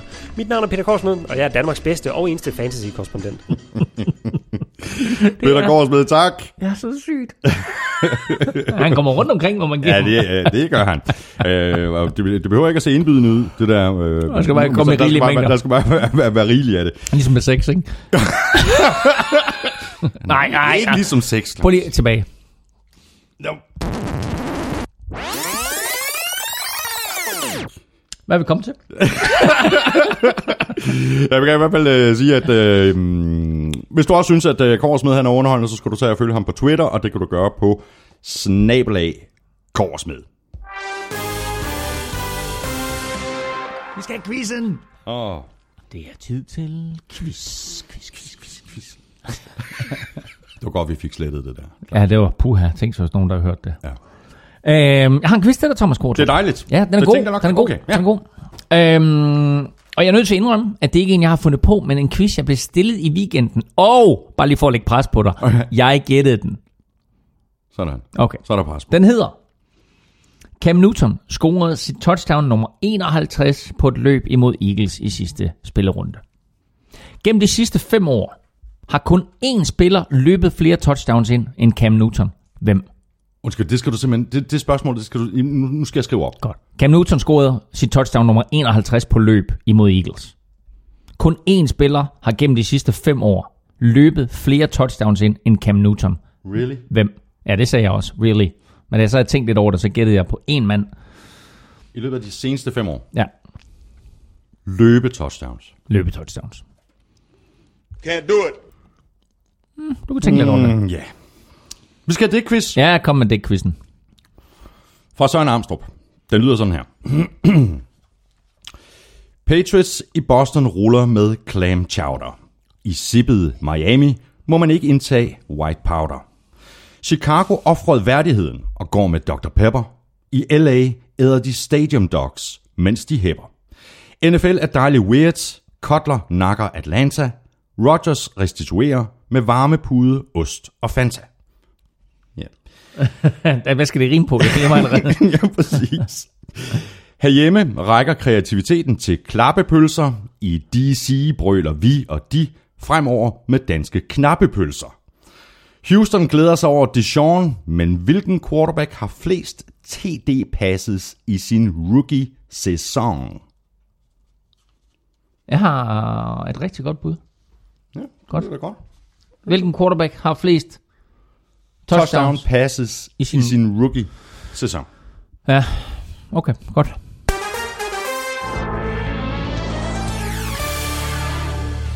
Så går vi i gang med øh, kampene, Claus Elming. Vi begynder med øh, Thursday Night-kampen. Eagles vandt ud over Panthers med... Panthers? Panthers med 28-23. Smash mouse. Exactly. uh, super vigtig sejr for, for Eagles, der nu er 5 og 1. Og øh, altså, de spiller godt Eagles. De har et godt forsvar. Øh, Carson Wentz imponerede igen. LeGarrette Blunt imponerede igen. Øh, deres øh, receiver var ikke nødvendigvis den store historie i den her kamp, men de leverede nok spil til, at, øh, at Eagles vinder kampen. Og så må vi sige, altså, hvis en spiller gør sig fortjent lige her efter seks spiluger til at blive comeback player of the year, så er det da mega udskilt Nelson Aguilar. Det må man bare sige ja til. Øh, han har altså leveret nu øh, næsten minimum et stort spil i alle kampe og øh, scoret touchdown igen for Eagles. Og han øh, nyder også helt tydeligt godt af, at, øh, at han har Alshon Jeffrey på banen og Torrey Smith, øh, så han udnytter det her. Hvad fik han? Fire catches i den her kamp og, og touchdown. Øh, ja, men jeg ved ikke engang, om, om det er det, han nyder godt af, fordi det er ligesom om, at selvom de hiver de der to, to store free agents ind, øh, Alshon Jeffrey og Torrey Smith, så er det ligesom om Nelson Aguilar, han er første receiver. Øh, det er ham, der leverer. Det er mm, ham, man altid, du ved, når kampen er slut, så er det ham, man tænker på. Ja. Du tænker ikke på, okay, Alshon Jeffrey, som, som jeg draftede til de fleste af mine fantasyhold, fordi jeg tænkte, okay, han kommer ind, og han kommer til at være Carson Wentz's øh, dybe våben, når, når Wentz i problemer, så hugger han den bare ned til ham, og så regner han med, at, øh, at øh, Alshon Jeffrey hopper op og griber den. Øh, det er ikke rigtig sket. I stedet for, så er det Nelson Aguilar, som, som får bolden i hænderne, og sådan, Nå, du ved, nogle gange sker der noget, øh, andre gange sker der ikke noget, men når der så endelig virkelig, virkelig sker noget, så, så er det altså også øh, ganske, ganske effektivt, og, og ofte et langt touchdown. Øh, hans, øh, hans touchdown i den her weekend var 24 yards, han lavede et i sidste weekend på, det var langt, det var over 50 yards jo, mm. øh, hvor han jo fuldstændig snød en, en, en modstander, ikke? Så, øh, så altså, der er rigtig, rigtig gode ting i, øh, i, i Philadelphia. De fører NFC East, Øh, de fører NFC, eneste hold i NFC med, med, med 5 og 1. To hold i, i NFL med 5 og 1, jo Chiefs og Eagles. Så her efter seks spiluger, der vil en Super Bowl jo hedde Philadelphia Eagles mod Kansas City Chiefs. Mm, det er jo ikke være en helt uinteressant Super Bowl. Nej, det synes jeg altså. Sådan som de har spillet indtil videre, så kunne det være ganske interessant. Ja, det må man sige ja til. Carson Wentz, han bliver ved med at imponere mig. Øhm, endnu en, en rigtig god kamp, fordelt boldene til otte forskellige receiver, 16 20 for 222 yards og tre touchdowns. Øh, han bliver ramt ni gange, sækket tre gange. Øh, jeg synes, han står godt i lommen. Jeg synes, det virker som om, han har et godt overblik. Øh, problemet var så bare, at lommen kollapsede i den her kamp. Og øh, nu kan jeg ikke engang huske, hvad han hedder. Øh, deres right tackle, Lane Johnson, mm. som jo manglede. Gik, udgik. Ja, Ja. Øhm, og det synes jeg godt, at man kunne se, at øh, så, så fik øh, Carson Wentz større problemer. Det gjorde han. øh, Lane Johnson heldigvis er meldt klar til weekenden. Der spiller de mod Redskins, så der, der skulle han altså være klar. Øh, Lane Johnson, det er gode nyheder, fordi han sad ude sidste år med karantæne. 10 kampe var han ude, og øh, Eagles offensiv linje uden Lane Johnson øh, er bare ikke lige så god, øh, som når han er på banen. Øh, men øh, den helt store afgørende faktor var faktisk ikke Lane Johnson. Det synes jeg faktisk var Kuechly. Fordi da Kuechly udgik og blev sendt til hjernerystelsesundersøgelse, der var Panthers foran 10-3. Mm. Og efter at han udgik, så styrede Eagles øh, begivenhederne øh, og scorede 25 point derefter, og vandt jo så øh, 28-23. Øh, så Luke Kuechly på banen er bare øh, super vigtigt for Panthers. Uden Luke Kuechly, jamen pludselig, du ved, så er der mange af de ting, du gerne vil, som er meget nemmere. Mm. Ikke? Fordi han er stærk imod løb, og han er stærk imod kast. Øh, og øh, han, kan, han, kan, han kan rushe quarterbacken, han kan dække op, han kan stoppe running backen. Altså, det, Altså, han har også energi på banen, som smitter af på de andre spillere, ikke? Men, det, øh, men spørgsmålet er, om vi skal til at være, være nervøse for Luke Kuechlys fremtid? Jamen, det skal vi da. Øh, jeg har ikke hørt endnu, om han er blevet clearet til weekenden. Det tror jeg, han er, fordi han kom jo ikke tilbage på banen. Men efterfølgende der meldte ud, at han ikke havde hjernerystelse. Og så tænker man, jamen hvis han ikke har hjernerystelse, hvorfor sendte de ham så ikke tilbage på banen? Men det er altså måske, fordi Panthers valgte simpelthen at spare ham og sige, at han fik et ordentligt skrald her. Mm. Han skal ikke ind og have et skrald mere, så vi risikerer, at han rent faktisk får en hjernerystelse. Så derfor så forestiller jeg mig ikke, at han, at han ikke er med i weekenden. Øh, det er der i hvert fald ingen indikationer af. Øh, han er ikke, han er ikke under den her øh, concussion protocol eller noget som helst. Øh, men det er bare værd at bemærke, Mm. At fra det øjeblik, han gik ud, så blev Eagles angrebsspil bare noget nemmere at udføre. Ja, det er klart. Øh, Cam Newton og Panthers, de havde rent faktisk øh, chancen for at komme tilbage i den her kamp. Øh, de tvang Eagles til at punt, øh, Mm, da der var, mm, jeg tror, der var mm. omkring 5 minutter tilbage. Ja. Øh, så overkastede Cam Newton sin, sin mål øh, flere gange ned ad banen, ja. og det virkede som om, at han, han var... Øh, øh, han var generet af et eller andet øh, fysisk. Måske var det fra, øh, fra, fra det der TD-løb øh, lidt tidligere i kampen. At det, det virker som om, at han var hæmmet af et eller andet. jamen, jeg ved det ikke, fordi vi har jo talt om, at, at den måde, som Panthers har spillet på her i de sidste 3-4 uger med, med, med Cam i den der gamle version, ikke? Hvor, han, øh, hvor, han, hvor han kigger og løber og, og kaster og, og gør lidt, hvad der passer ham, at det er jo en meget bedre udgave af ham, end det er, mm. når, når, når Panthers forsøger at begrænse ham. Mm. Og det vil sige, at så kommer der også nogle skraldhister her. Og selvom han godt kan lide det der, så skal han blive bedre til at beskytte sig selv. Jeg, prøv at høre, jeg elsker faktisk at, at, at se Cam Newton spille, for han er så overlegen nogle gange. Øh, så tager han benene på nakken, løber, og så sådan lige en 2-3 meter, før han løber ind i en modstander, ikke? så slider han lige, og så det slide, det er nærmest ikke færdigt, før han lige op og stå igen, og så vipper bolden til dommeren. Ja. Han er så overlegen, han er så suveræn øh, atlet, at, at man slet ikke forstår det. Mm. Øh, og som de fleste jo også siger, der har stået over for ham, hold kæft, han er større end de fleste defensive Ja, det er han bare kæmpe stor. Ja, ja. Så, så altså, øh, Panthers taber den her kamp. De kunne godt have vundet den. De får ikke bare en, men to chancer for at vinde øh, kampen. Øh, de er trods alt kun bagud med fem. Øh, men, øh, men, men det lykkedes altså ikke. Eagles forsvar holdt stand, og det er, jo, det er jo der, hvor kombinationen af et godt angreb, der sætter 28 point på tavlen, og så et godt forsvar, der trods alt er i stand til at lukke ned mm. til sidst, afgør det her. Og det er også derfor, Eagles de er 5 og 1, og man skal lige tænke på, Eagles har tabt én kamp, og det er altså til Chiefs. Ikke? Og den tabte de med et touchdown, ja. Hvor de var med i den kamp mm. langt hen ad vejen. Og de er som sagt Eagles øh, 5 og 1. De spiller hjemme Monday Night mod Redskins. Øh, også en super kamp, øh, som jeg ser rigtig meget frem til. Og så Panthers, de er 4-2, og de skal til Chicago og spille mod Bears. Og så til øh, en af overraskelserne. Og må jeg lige hurtigt, inden du går videre, bare lige nævne et hurtigt spiltip her, fordi Endelig. øh, min, øh, min money in the bank i den her uge er Cardinals over Chicago, og jeg kan faktisk ikke helt forstå, hvorfor øh, Cardinals giver 1,55 igen. Jeg synes, det er et fantastisk odds. Ja, de er på udebane, og ja, Bears har da været gode på hjemmebane, øh, men altså, der er bare kvalitetsforskel på de her to mandskaber. Mm. Så øh, Panthers ude over øh, Chicago giver 1,55, og kan de vinde med bare 3 point, eller mere end 3 point, øh, Panthers, så er der altså odds 1,93, og det synes jeg er vanvittigt godt. Det var da en meget lav linje, det der... Ja, det synes jeg også. Ja. Men øh, linjen ligger på 3,5, og det vil sige, at, at vinder Panthers med mere end 3, så får du altså 1,93, og det vil jeg bare Ja, den er at overveje. anbefale her nu. Ja. Så til øh, en af overraskelserne. Dolphins slog Falcons på øh, udebane med 2017, efter at øh, Falcons førte med øh, 17-0 ved pausen. Øh, det er bare ikke godt nok, Claus. Øh, og det virker lidt til, at, øh, jeg ved ikke, er Falcons ramt af, af de der Super Bowl hangovers? Øh, 0 point på deres sidste fem drives. De førte øh, 17-0 ind til midt i tredje kvartal, og så satte de det hele over styr.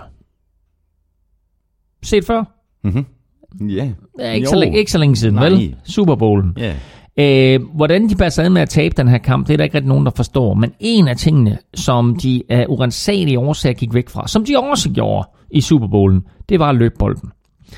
Øh, de lod heller ikke Tevin Coleman sådan rigtig komme til fadet. Jeg tror, de kastede øh, en gang til ham. Jeg tror, han, han havde øh, et catch. Det kan godt være, at de kastede et par gange mere til ham. Men han ja havde og, så havde et, de, og så havde de begge to ni løb. et catch, ikke? Øh, og så havde Freeman og, og, og Coleman begge to ni løb. Øh, Freeman mere effektiv, det, det er der ikke så meget at sige til. Altså, han, han, han er nok deres bedste våben, når de løber bolden. Øh, men at de løber bolden 18 gange i den her kamp. De får en 17-0 ved pausen. Altså, ja, jeg ved godt, at det her det er et eksplosivt angreb, der er lagt an på, på Matt Ryans arm, men altså, øhm, du var uden Mohamed Sanu. Øh, Julio Jones øh, gør det okay, griber 6 bolde for 72 yards, men vi er 6 uger inde i sæsonen, og han har stadigvæk ikke scoret touchdown. Mm. Ikke? Altså, for dem, der spiller fantasy football og har draftet ham højt, ikke? der sidder de jo banner og svogler hver eneste uge. Øhm, og så må man bare sige, altså jeg ved ikke, hvad der sker med Falcons. De gik jo fuldstændig ned med fladet i, øh, i fjerde kvartal især imod, imod Patriots i Super Bowl. Og her ikke, jamen, der scorede de ingen point i hele anden halvleg. Mm. Øh, de gik væk fra løbeangrebet, det synes jeg var dumt. Øh, og så må man så også bare lige sige, at Miami Dolphins forsvar spillede deres bedste halvleg overhovedet i den her øh, sæson. Øh, Ja, anden og- halvleg. Anden halvleg. Ja. Øh, anført af Andoma Kansu og Cameron Wake med flere. Øh, Kiko Alonso øh, var god. Så øh, det, var, øh, det var lidt et comeback med implikationer for Miami Dolphins, fordi deres division ikke sådan er helt lukket endnu. Nej, det er den bestemt ikke. Øhm, altså på ingen måde jo. Øh, og det var en katastrofe for Atlanta Falcons, fordi de jo med en sejr kunne være kommet op på siden af, af Carolina Panthers. Men, øh, men nu lykkedes det altså ikke. Ja, og, men jeg, jeg var simpelthen rystet over at øh, se Dolphins løbe afsted med den her, fordi når man så på Dolphins angrebsspil i første halvleg, altså det, det er svært at forestille sig noget øh, ret meget værre at sidde og, og, og kigge på. Ja, så skulle man måske kigge på Ravens, når, når, når, mm. når, når de er i angreb. Ikke? For det var delen dybt med skidt. Mm. Men nu talte vi lidt tidligere om, øh, på baggrund af et spørgsmål omkring det her med at skifte offensiv koordinatorer og, og hvilken effekt det har. Øh, Dolphins har ikke skiftet offensiv koordinator, men de skifter offensiv strategi, mm. og det var give bolden til Ajayi. Og for første gang så så vi Ajayi få over 25 carries i en kamp, og øh, det betød også, at han fik 130 yards, og det betød, at Dolphins de flyttede bolden. Og det gjorde jo bare, at tingene blev lidt nemmere for Jay Cutler. Og selvom Jay Cutler ikke havde nogen stor kamp, så kastede han trods alt to touchdowns, øh, og det var bare med til at, at, at føre klubben tilbage. Og øh, den, øh, øh, altså nu er de 3 og 3. Øh, altså man bare sige, altså, øh, hvis man sådan kigger ned over listen af hold, ikke? Altså, så vil det være... Dolphins, Ja, er de ikke 3 og 2? at tre, altså, men det er jo endnu bedre jo. Ikke? Men altså, når man kigger ned, ned over listen med tre sejre, så tænker man, det må da være det ringeste hold, ikke? Mm. Men altså, de ligger der med, med, øh, med, med, med 3 og 2, ja. Mm. Øh, og så må man sige, altså okay, når du har spillet elendigt, og du er 3 og 2, og du så ligesom finder dig selv i den her halvleg her forsvarsmæssigt, du finder dig selv angrebsmæssigt med Ajayi, du er i en division, hvor øh, Patriots ikke er stukket af, og hvor de to andre Bills og Jets jo i den grad er til at tale med, så, øh, så er alt altså åbent. Og så har Miami jo altså Jets i weekenden. Så Ja, det bliver ganske, præcis. ganske interessant. 3 og 2, de øh, får besøg af Jets. Øh, Falcons, de er øh, 3 og 2, og de spiller ude mod Patriots.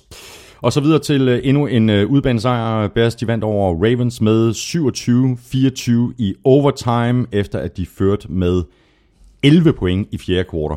Øh, og hvis det ikke var for to øh, special teams touchdowns til Ravens, så havde det set, så havde det set skidt ud. Prøv at tænke dig, at øh, Ravens, de laver 24 point, og at ingen af de point kommer fra angrebet. Mm.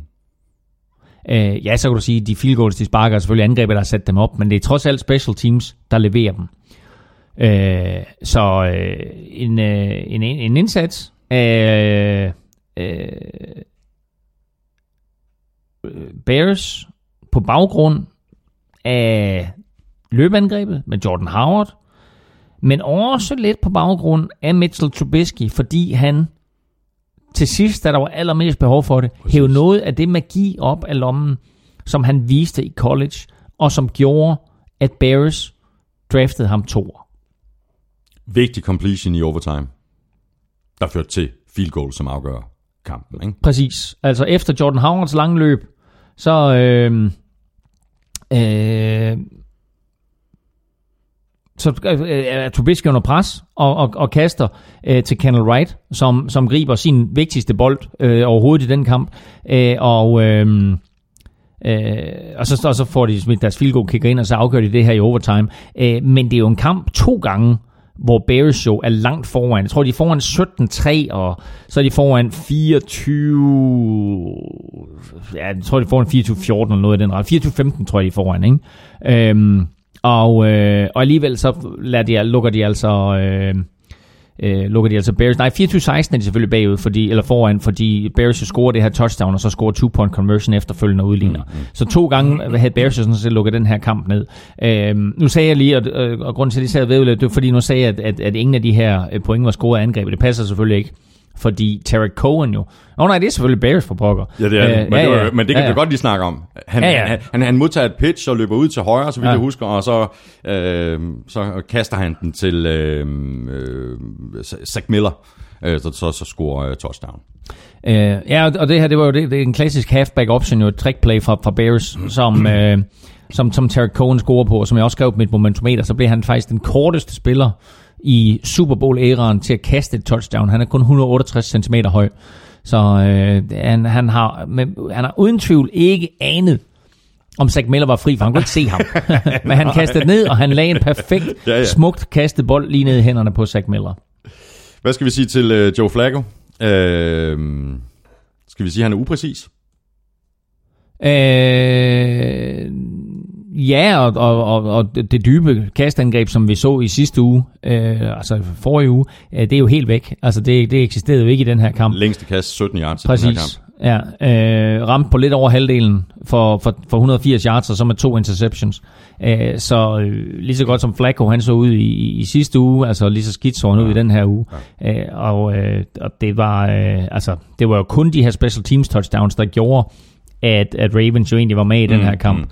Uh, så en vigtig sejr for, for, for Bears, uh, et, et uh, forsmedeligt nederlag for Ravens, som jo selvom de kigger lidt på Bengals og Steelers og tænker, vi har stadigvæk en mulighed i den her øh, division, så er de der bare ikke. Og de er, øh, okay, altså, øh, de er ramt af skader. De har øh, 18-19 spillere på, øh, på injured reserve, så altså de er virkelig, virkelig hårdt ramt af skader, så det gør det jo ikke nemmere på nogen måder. Nej, og det gør det heller ikke nemmere, at de skal til Minnesota i den kommende weekend og spille mod Vikings. Ravens sikker, er Raven, sikker Ravens sejr. 3 og 3. og om det er da det, som er for åbenlyst anti så virker det ikke, Claus. Nej, det kan godt være. Det kan godt være. Ja, du skal det, lidt, lidt mere afdæmpet, ja. ikke? Nej, ja. Lidt mere afdæmpet. Min fejl. Ja.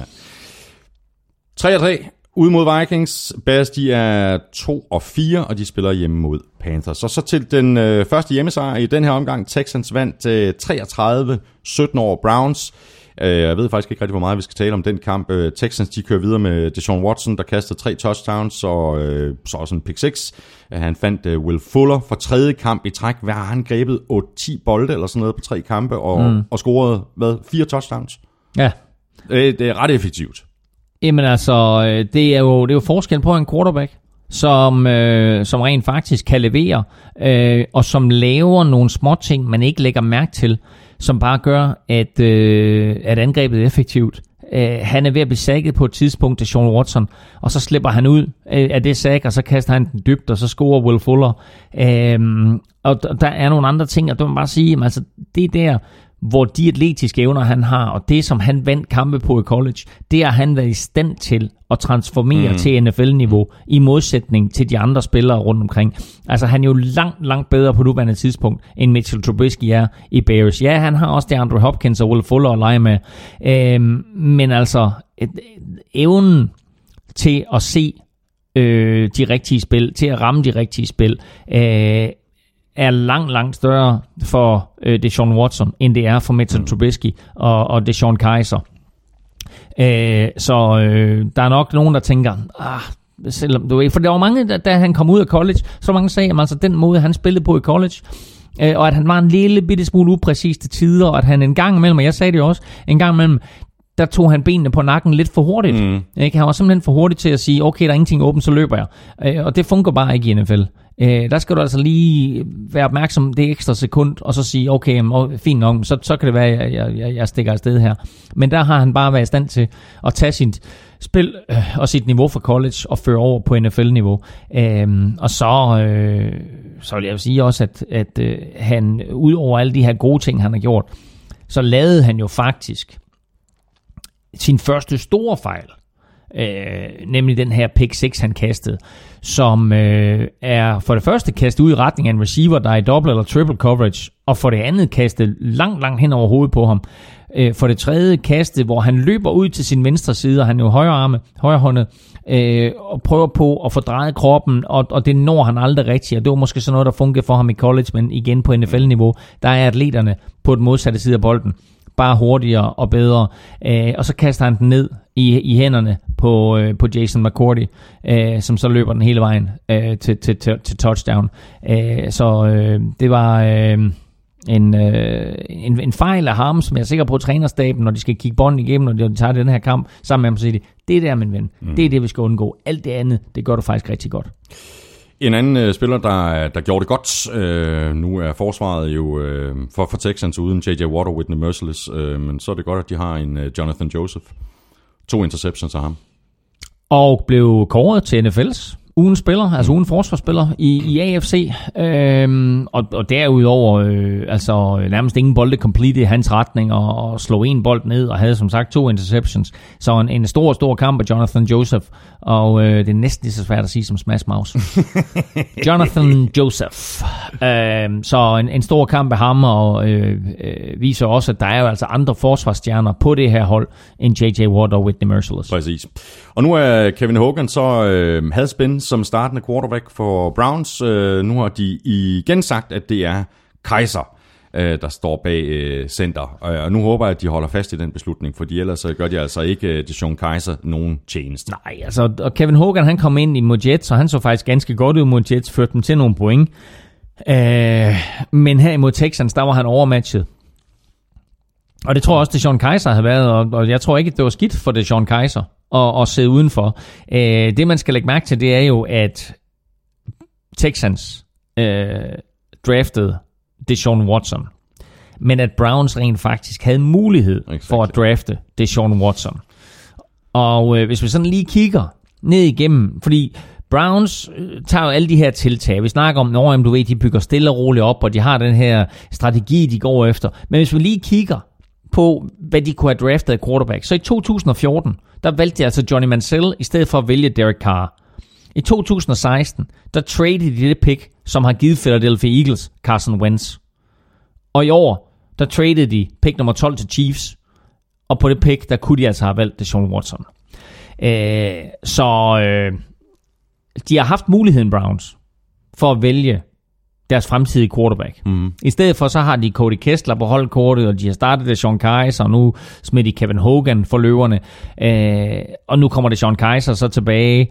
Øh, man kan se for Eagles, hvad det har gjort at have en god quarterback. Og nu også for, øh, for øh, Texans, at de øh, med, med det Sean Watson jo har, har fundet guld. Spørgsmålet er, hvornår der begynder at rulle hoveder ja. i Cleveland. Ja, de er 0-6. Ja, ja. Og det er ikke kun uh, Hugh Jackson, vi kan tale om. Vi kan også uh, tale om uh, deres GM, uh, Sashi Brown. Ja, men altså, det, altså, han, han, han ryger ikke, fordi det er jo ham, der er hele hovedmanden, hovedarkitekten bag det her system, som de er i gang med at bygge op, ikke? Men det er jo så også ham, der er den hovedansvarlige for, at de ikke har fundet deres øh, startende quarterback. Jo, jo, men til gengæld så har de altså stadigvæk, øh, hvad er det, 12 draft picks til næste år, ikke? Det har de. Så øh, altså, der er ikke nogen, der siger, at, at han ikke kommer. Nu, fordi det er ikke kun quarterbacken, det er alle de andre ting, der heller ikke rigtig fungerer for Browns. Så altså, nu, nu skal der til at ske noget på begge sider af bolden for dem. Browns er som sagt 0-6, øh, de får besøg af Titans. Texans er 3-3, og de er på deres øh, bye week. Så har vi Vikings, der vandt hjemme med øh, 23-10 over Packers, der, som vi allerede har talt om, øh, mistede Aaron Rodgers øh, tidligt i kampen, og vi kan vel ikke komme udenom, at det selvfølgelig kom til at påvirke den her kamp. Ja, selvfølgelig gjorde det det, og øh, jeg vil sige det på den måde, at der er jo folk, der, der skriver til mig, øh, Vikings vandt kun, fordi Aaron Rodgers gik ud. Og der vil jeg sige, nej, det blev nemmere for dem at vinde den her kamp, fordi Aaron Rodgers gik ud. Men øh, læg lige mærke til, at øh, Packers øh, scorede altså ikke touchdown, mens Aaron Rodgers var på banen. Øh, Vikings øh, forsvar stoppede ham. Øh, første gang, uden at skade ham anden gang, der røg han sig ned. Og, øh, og altså prøv at høre, altså, der er ikke nogen spiller, der er ikke nogen quarterback i ligaen, som vi elsker at se mere på end Aaron Rodgers. Men man skal bare lige lægge mærke til, at når folk de siger, at vi mistede vores første quarterback, derfor så er vi skadet ved, ved, ved ude. Altså, Case Keenum er Vikings tredje quarterback. Ikke? Altså, først så havde de Teddy Bridgewater, så havde de Sam Bradford, nu startede de Case Keenum. De er uden deres første running back, de er uden deres første, Stefan Diggs var ikke med, så uden deres første receiver også. Så altså, der, der er mange ting, som, som, som, som rammer alle hold i NFL. Mm. Der er ikke noget, som jeg hader mere, end at se Aaron Rodgers gå ud. Men jeg siger ikke, at Packers nødvendigvis har vundet den her kamp. Vikings var kommet godt fra land, og vi vil bare sige, nu bliver det nemmere for dem at vinde. De vinder den her kamp 23-10. Og med Aaron Rodgers ude, så ligger NFC North lige til højre skøjten for Minnesota mm, Vikings. Mm. Øhm, hvordan er status med øh, Teddy Bridgewater? Teddy nu, Bridge- nævner, nu nævner du lige det her med, med, med Ja. de her tre, Ja. ja. tre uh, quarterbacks. Ikke? Ja. Og Sam Bradford, jeg kan ikke rigtig, finde ud af, hvornår, hvornår han er klar til at komme tilbage. Ej, Men Teddy Bridgewater, ja. han er sådan lige på, på, på nippet. Ja, men med hensyn til Sam Bradford, så har Vikings ringet til Indianapolis Colts og spurgt, hvordan de håndterer en Luck-situation, og fået nogle gode råd i den retning. øhm, jamen, Teddy Bridgewater trænede med for første gang i går. Han blev aktiveret øh, til sæsonen, så han trænede med i går, og så har Vikings øh, 14 dage til at beslutte sig for, om de så vil aktivere ham sådan rigtigt og, og, gøre ham til en del af truppen. Og øh, hvis han er på niveau med, med det, han var, da han blev skadet sidste år, øh, så kommer han til at overtage det startende quarterback job, så længe Sam Bradford han er ude. Så Men- kommer han til på et eller andet tidspunkt at overtage for Case Keenum. Men hvad så, når Sam Bradford han også bliver klar? Jamen altså, så står du med tre quarterbacks. Øh, men Sam Bradford har haft en historik med skader.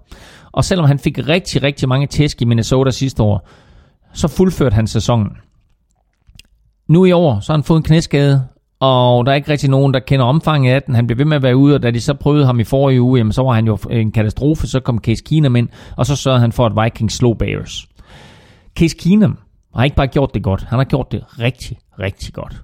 Og det betyder, at lige pludselig så er der ikke øh, alle mulige folk, der råber og skriger efter, at Sam Bradford han skal komme tilbage.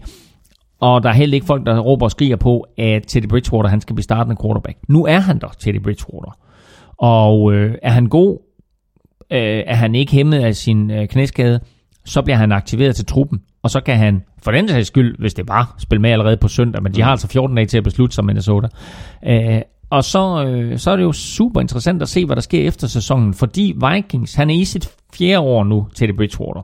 Og når du er draftet i første runde, det gælder alle spillere, der er draftet i første runde. Når du er draftet i første runde, så har klubben et option på et femte år.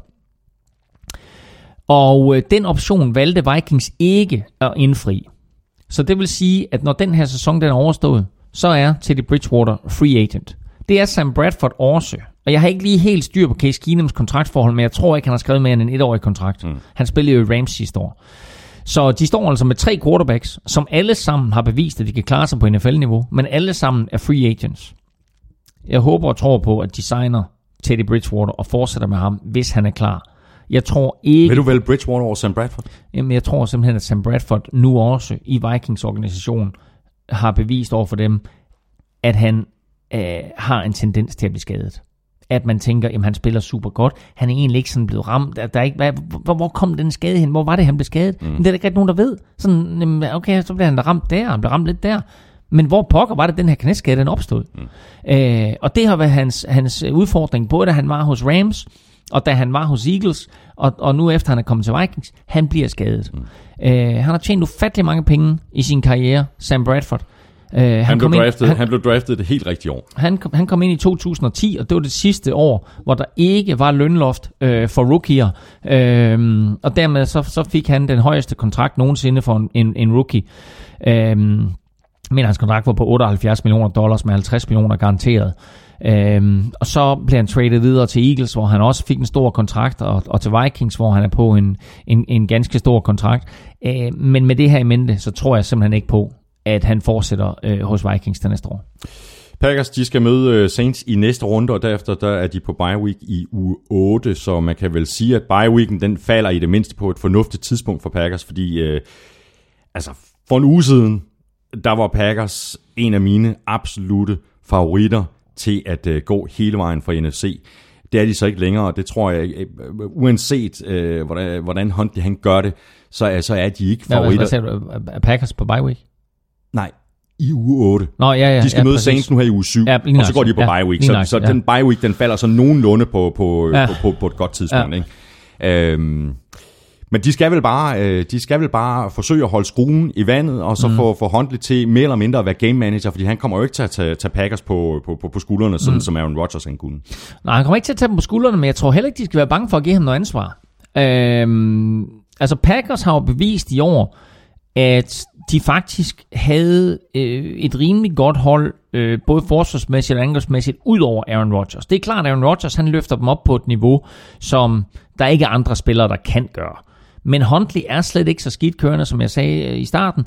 Og i stedet for bare at gøre ham til en Trent Dilfer, jamen så gør ham øh, til en spiller, som man stoler på i nogle situationer. Som man, for eksempel så havde han jo et, et, et kast øh, til Jordan Nelson, som var ren Aaron Rodgers.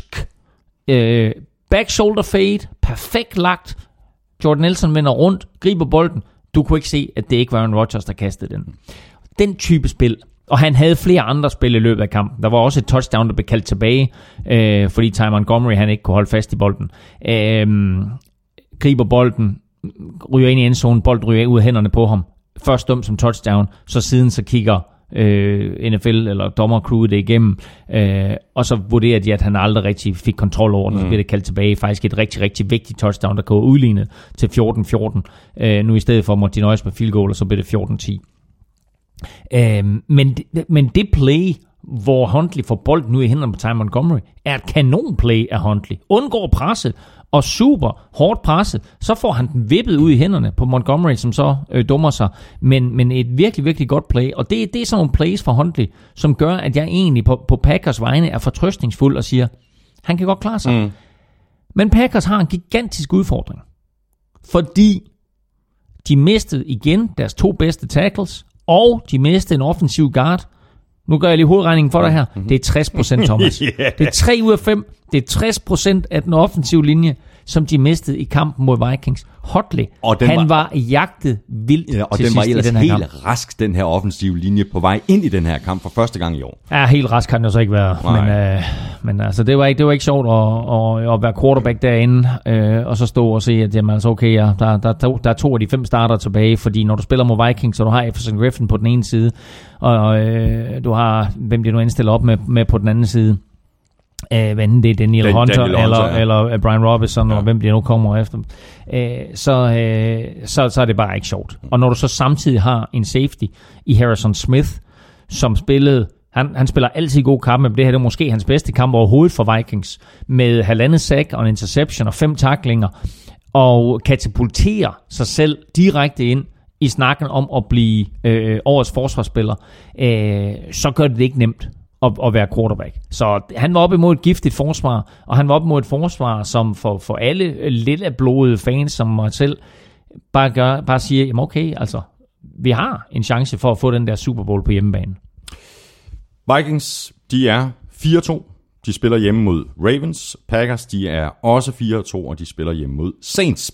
Og lige præcis, øh, Saints øh, var med i en øh, kamp, hvor der blev sat masser af point på tavlen. Saints vandt 52-38 over Lions. Fuldstændig vild kamp. Uh, Lions var bagefter med 45-10 midtvejs i tredje kvartal, og havde bolden i fjerde kvartal kun nede med et enkelt touchdown. Og så skulle man måske tro, at, øh, at det så var en øh, kamp sådan øh, fyldt med, med, med masser af offensivt øh, festfyrværkeri fra, fra start til slut, men øh, Saints defense scorede tre touchdowns, mm. og Lions defense scorede også et, og det gjorde Lions special team også, da de returnerede et øh, punt for, for, for, for touchdowns. Så altså fem touchdowns i den her kamp, som ikke blev sat ind af et af de to holds respektive angreb. Og der er så mange vilde stats for den her kamp. Jeg kan ikke mindes en NFL-kamp nogensinde, hvor 11 forskellige spillere har scoret touchdowns. 11! Det er også helt ondt. Det er helt crazy. Ja. Jeg kan ikke mindes en kamp, hvor Saints laver 52 point, og Drew Brees kaster for 186 yards. Nej, Det er jo helt crazy. helt fuldstændig crazy. Jeg kan heller ikke mindes en kamp, hvor der bliver scoret to defensive touchdowns af defensive lin- linjemænd, der er mindre end 5 yards i snit. Altså ikke øh, højden af linjemændene, men, men længden på touchdowns. Øhm, først, øh, så scorer Lions et defensivt touchdown. Øh, Breeze på på at kaste øh, bolden øh, i en kort out i, i højre side. Den bliver grebet af en øh, forsvarsspiller. Har du lige navnet på ham? Øhm, jeg har den her ellers.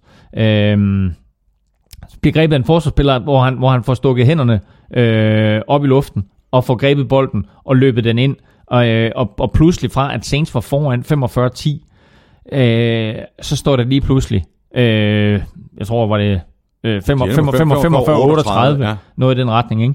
Øh, jeg vil sige, det var Alshon Robinson, passer det ikke?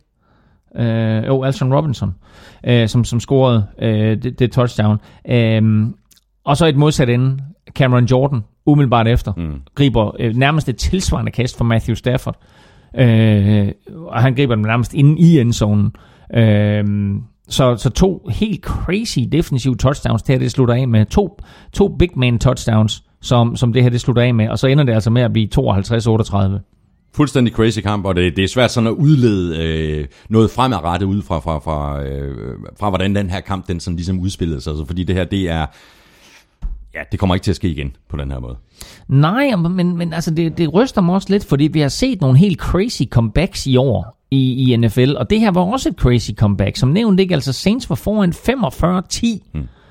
Øh, og øh, altså Falcons var foran stort, øh, Cardinals var foran stort, og pludselig så bliver de der kampe, så bliver de pludselig spændende på et eller andet niveau. Øh, så de her comebacks, altså jeg aner ikke, hvor de kommer fra, og man må bare sige, at altså, øh, Lions de bliver ved med, ligesom sidste år, at lave de her crazy comebacks. Ja. Sidste år, der vandt de kampene. Det gør de så ikke i år.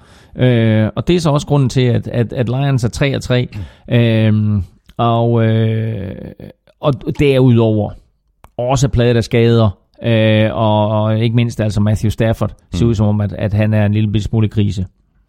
Og Saints, øh, frøvl, øh, Lions, de er 3 og 3, og de øh, går på deres øh, bye week. Saints, de er 3 og 2, og de spiller ude mod Packers. Og sidste kamp, inden vi skal have delt nogle øh, tips ud i ugens spillerkonkurrence, det er Jets Patriots, og den endte Patriots med at vinde med øh, 24-17, efter at have været bagud med 14-0. Øh, jeg har... pff, jeg har simpelthen ondt af Jets. Øh, den, den helt store historie i den her kamp, det er det der 4-yard touchdown, som øh, Austin Safarian Jensen øh, scorede med, med 8,5 minut tilbage af kampen, og som så blev kaldt tilbage, fordi dommerne efterfølgende mente, at han, han ikke havde kontrol over bolden. Og Patrick øh, Christensen øh, spørger på Twitter, hvordan i alverden kan der ikke være touchdown for Jets der, da de var ved at score til 2024? Kan I forklare mig det? Nej, det kan jeg ikke. Fordi i min optik, der er det her en kæmpe brøler og en fiasko for NFL's nye replay-system. Reglerne siger, at den dom, der er dømt på banen, står ved magt, med mindre videomateriale kan omstøde det. Vi har haft den her regel på gange i de seneste uger, mm. med spillere, der fumbler bolden ud igennem endzonen. Todd Gurley gjorde det i, i sidste uge, øh, og der var også en spiller fra Cardinals, der har gjort det. Og hvis en offensiv spiller fumbler bolden ud af endzonen, så er det touchback, og modstanderne får bolden på 20-linjen. Austin Safarian Jenkins griber bolden, løber ned, bliver taklet af to Patriots-spillere. Bolden kommer en lille bitte smule fri, men han får helt tydeligvis fat i den igen, lander på jorden, ruller ud af endzonen, der bliver dømt touchdown. Efterfølgende bliver den set igennem. Ja, man kan godt se, at bolden bliver slået fri, men du kan på intet tidspunkt se, hvor han griber den igen, hvor han har kontrol over den, og hvorfor han ikke skulle have kontrol over den hele vejen igennem. Han slutter trods alt med at have kontrol over bolden, når han ligger ned. Men det bliver dømt som en fumble. Og det kan godt undre ikke, fordi at reglerne siger jo fuldstændig tydeligt og klart, at hvis man skal omstøde en kendelse, Præcis. så skal der ikke være nogen tvivl. Nej, Og der er tvivl. der er der tvivl. Og er der tvivl, så må du ikke omstøde. Præcis. Og alligevel, så kommer kendelsen fra New York. Det er jo ikke længere dommerne, der tager den her beslutning. Det er jo for at få en eller anden form for kontinuitet i dommene. Så bliver alle dommene jo lavet fra hovedkontoret i New York. Jeg har sågar været og set det her situation room, ikke? som jo minder om, om et eller andet, hvor man kunne lave krigsførsel. Men der sidder de så og har, har skærme fra, fra samtlige stadions. Øhm, og øh, det var så, øh, i gamle dage var det jo øh, Dean Blandino, og Dean Blandino, han er tv-kommentator nu, og han siger jo helt tydeligt, så siger han, den her, den kan ikke omstødes, den står ved magt. Mm. Og, og det siger Mike Pereira Og det også. siger Mike Pereira også. Øh, men Al Riveron, der styrer det der nu, han beslutter sig for, at den her, den skal omstødes. Det er ikke et touchdown. Og i en kamp, der er så tæt, og hvor Jets har så store muligheder for at besejre New England Patriots, øh, så er det her en katastrofal dom, og den har naturligvis fået alle mulige former for konspirationsteorier frem øh, i, hos, hos alle Jets-fans, ikke? Ja, det er klart. At, at øh, når, når, når Patriots ikke Vi havde, smider- vi havde endelig Ja, ja, chancen, ikke? Nå. I en sæson ovenikøbet, hvor Patriots Præcis. ikke ser så stærke ud, som de plejer at gøre, ikke? Jo, så altså konspirationsteorierne, som jeg også skrev i min momentometer, lyder, når Patriots ikke selv snyder, så gør dommeren det for dem. ja, ja, præcis. øhm, og, øh, og det her, det er, det, altså i min optik, det her det er en katastrofe, og det er en kæmpe fiasko for NFL's replay-system, at den der, den bliver omstødt. Ja, må ja, ikke, ja, må jamen, ikke der også, at der bliver talt, uh, talt inde bag murene i, i NFL i øjeblikket omkring Jamen, det der? Fordi det, det er sådan en historie, der, som, som NFL heller ikke skal have for mange af, ikke? Nej, men jeg synes, jeg synes bare, at den blev dysset ned for hurtigt. Altså, jeg synes slet ikke, der er nogen, der taler om den længere. Altså, jeg har da ikke set nogen overskrifter sådan i, i dag eller i går øh, omkring det. Jeg har da ikke set, at der skulle komme nogen ændringer øh, overhovedet, eller, eller at, at øh, han er blevet rettesat af Al Riveron, der er den nye øh, boss derinde. Ikke? Men øh, altså, jeg, jeg, altså, jeg kan ikke se, at man på nogen måde kan omstøde den kendelse. Mm. Vi er fuldstændig enige. Og så havde Jets jo ovenikøbet øh, muligheden for, for at udligne til, til allersidst. Josh McCown, han øh, konverterede en, en 4. og 12 til Robbie Anderson. Øh, jeg tror, der var mindre end et minuts penge tilbage på, på, på klokken, og de løber så tør for, tør for tid. Mm. Øh, summa summarum, øh, Patriots vinder 24-17. De var nede 14-0. Mm. De ender med at vinde kampen, men de ser, og det, det er det samme, som vi har talt om de, de foregående uger, øh, også de uger, hvor de har, hvor de har endt med at mm, vinde kampene, mm, mm. de ser altså ikke lige så stærke ud i år, som de har gjort de foregående år, og vi havde på, på, på forhånd, altså forud for sæsonen, mm. sagt, det her Patriots hold, det ser stærkere ud end nogensinde. Mm. Så spørgsmålet er, hvad det er, der, øh, Jamen, altså, jamen, hvad altså, det er, der sker i den organisation? Jeg tror, jeg har sagt det en gang før. Det var en sidste år, da jeg kiggede på Patriots defensive roster. Så tænkte jeg, altså, det, det er profilløst.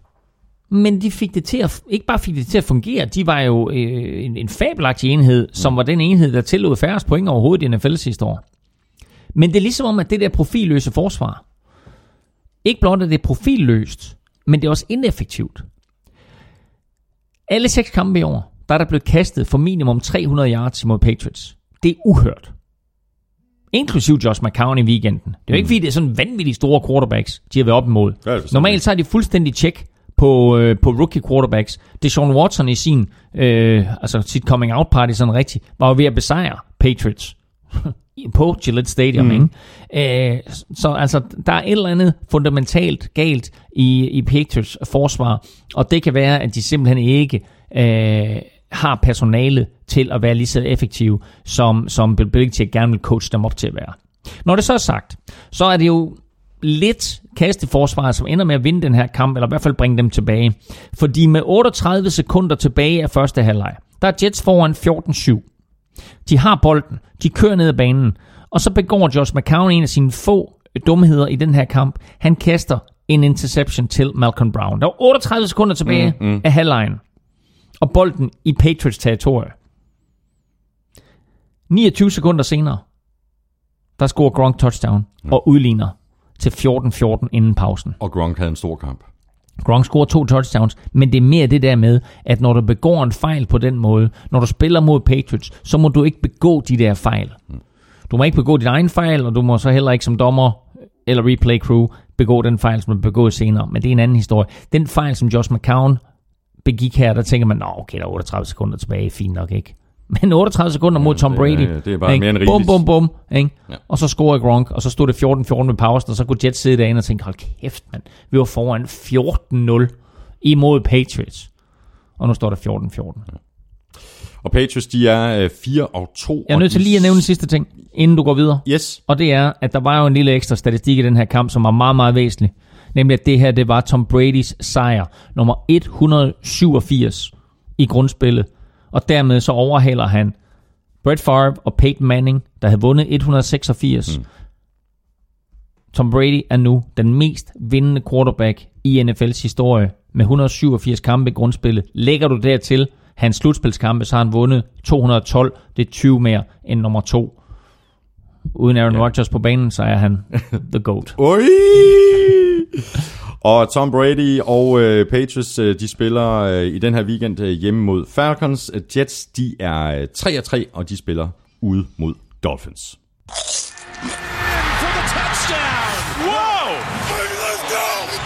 go! Ugen spiller præsenteres af Tafel. Jeps, øh, så er det blevet tid til at få langet nogle taffelchips over disken. Vi smed øh, tre navne på Twitter i tirsdags. Le'Veon Bell, Adrian Peterson og Saints Defense, og det blev en knivskarp afgørelse. Mm. Saints defense fik 19% af stemmerne, og så fordelte stemmerne sig med 41 og 40% på de to running backs. Mm. AP fik 40%, wow. og Bell fik 41%. Okay. Og øh, ja, det ved jeg ikke. Ja, var du inde og stemme? Jeg har stemt på Saints defense. Som jo også var crazy. Ja.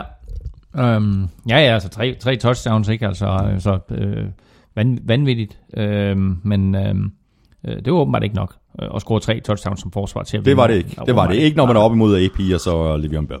Claus, du får, øh, du får sækken. Ja. Øhm, og du er jo lykkens skud ind. Jesus. Nå, der er mange her. Så... Du trækker en. Det er spændende. Godt. Så må vi se, Og- hvilken dialekt. Hey, hey, hey! Saints defense. Er det rigtigt? Saints defense. Ja, jamen, det kan godt lade sig gøre, selvom man kun er blandt de 19.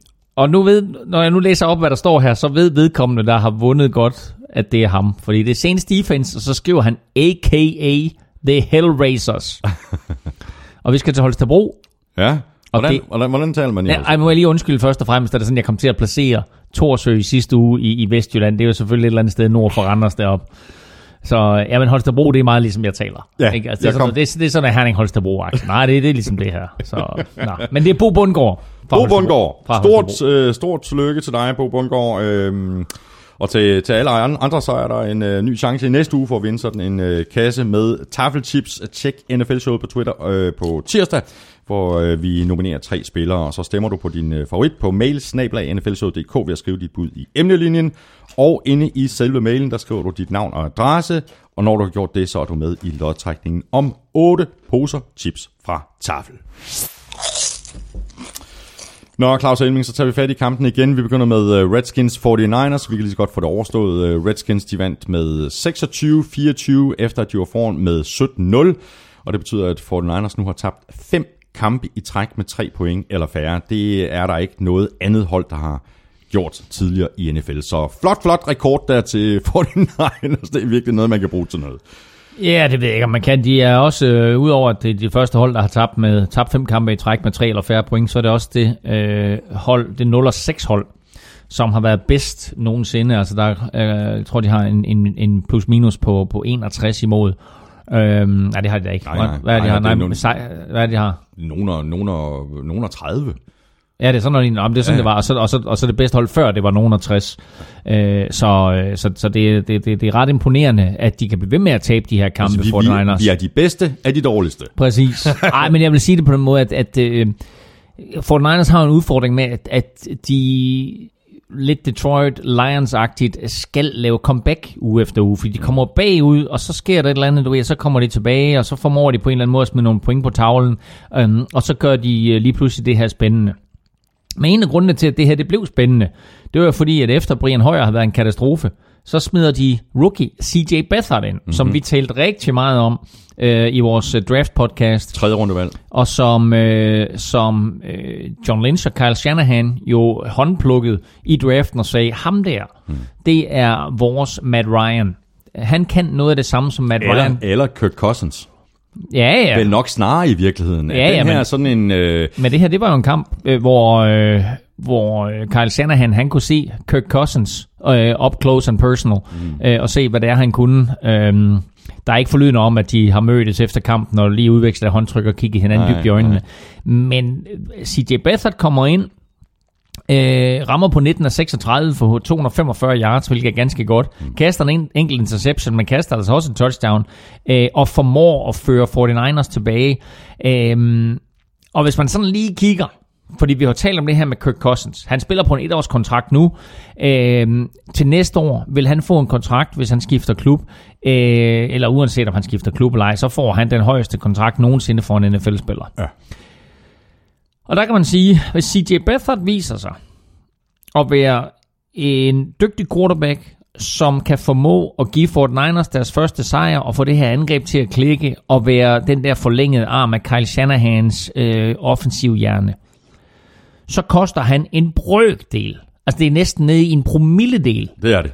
af, hvad, hvad Kirk Cousins han skal koste. Han er tredje runde valg. Hvad skal jeg gætte på, hans kontrakt er på nu? For de første, han, han har en fireårs kontrakt, vel sagtens. Jeg vil gætte på max 2 millioner dollars for de fire år. Mm. Ah, måske lidt mere. Mm. For, for fire år, måske 3 millioner dollars. Men, det er for intet at regne for det Kirk, han skal have. han skal have 30 om året. Året.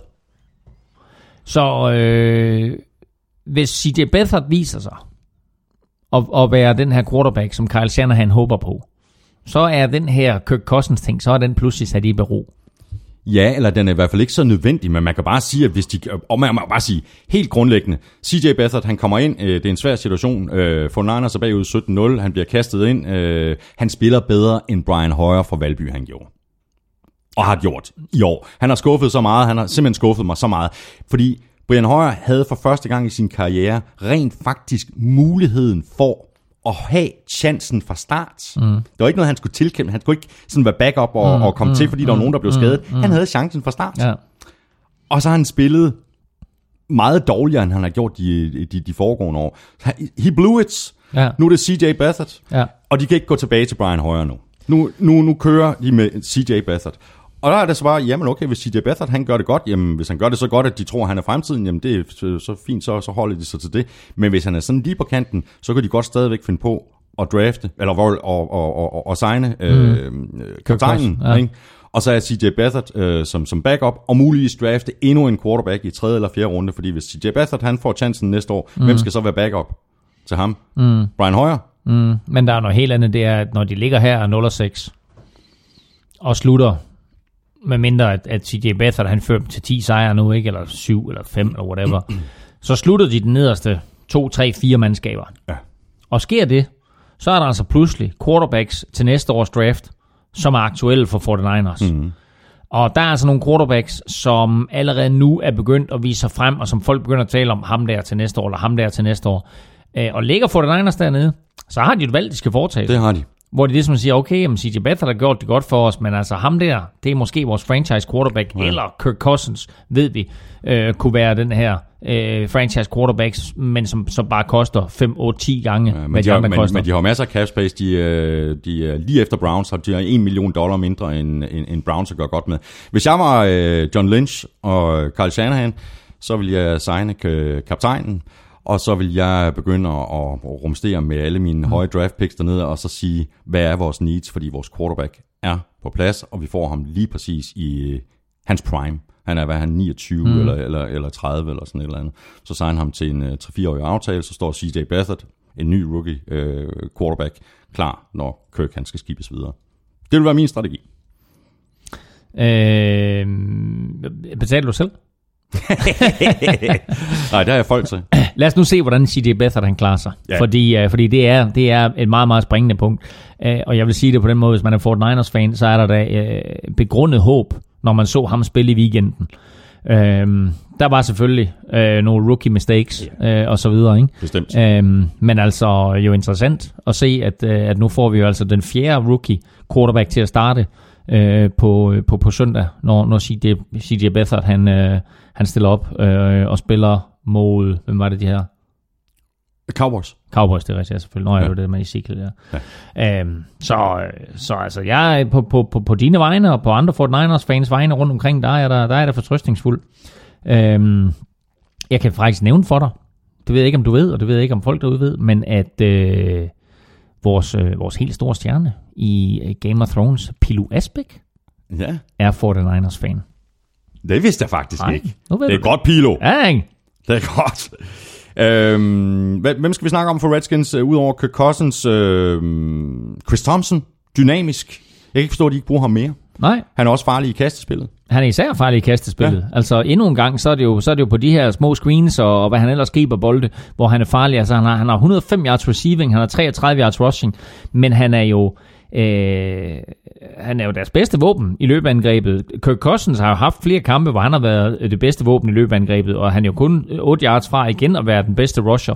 Så, så det er sådan en, et aspekt af, af Redskins angreb, som de skal have gjort bedre, øh, hvor vi må nok sige, at, øh, at, at, at P. Ryan, Perrine, P. Ryan, øh, P. Ryan, mm. øh, ikke har formået øh, at, at, at træde ind i den her startende rolle, øh, og, øh, og, og, Chris Thompson øh, selvfølgelig er den spiller, der får flest carries med 16, øh, kun får 33 yards. Så løbeangrebet er deres svaghed i øjeblikket, øh, Redskins, og med, med Robert Kelly på sidelinjen, så er der, altså så mangler de en, en mm. virkelig dygtig running back, øh, og det er en, en udfordring for dem. Så er det godt, at Kirk Cousins han selv kan løbe den ind. Den Ja, ja. var, det, var, det var elegant, øh, den keeper der, og altså Fort Niners forsvaret er jo simpelthen bare taget med bukserne ned, ikke? Jo, det er de. Øhm, og, øh, og, og det er jo nogle gange, du ved, så, så tænker man jo ikke, så tænker man, jamen, det, det her angreb, de er ikke dumme nok til at lade quarterbacken beholde dem, men det var de. Øh, og øh, og han, han øh, scorede et fremragende touchdown, øh, Kirk Cousins, men derudover så har han jo altså et, et, et par andre gode løb øh, i, i kampen, der, der gør, at han løber for 26 yards og skaffer et par vigtige første mm. downs undervejs, og det er det her aspekt, som forsvar har svært ved at forholde sig til. Det er, når quarterbacken selv kan løbe, fordi når, når du designer forsvar, så er det meget, meget sjældent, at du designer forsvar, der også kan holde øje med quarterbacken. Det gør du kun, når du spiller mod Michael Vick-typer eller Cam Newton-typer.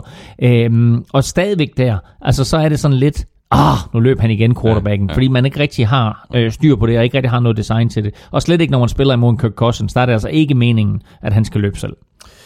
For Niners, de er 0-6, de spiller hjemme mod Cowboys, Redskins er 3-2, og de spiller ude mod Eagles Monday Ja. Night. Og så vil jeg gerne komme med min overraskelse for den her uge her, fordi de spiller nemlig Monday Night ude mod Eagles, og jeg forudser en Redskins sejr.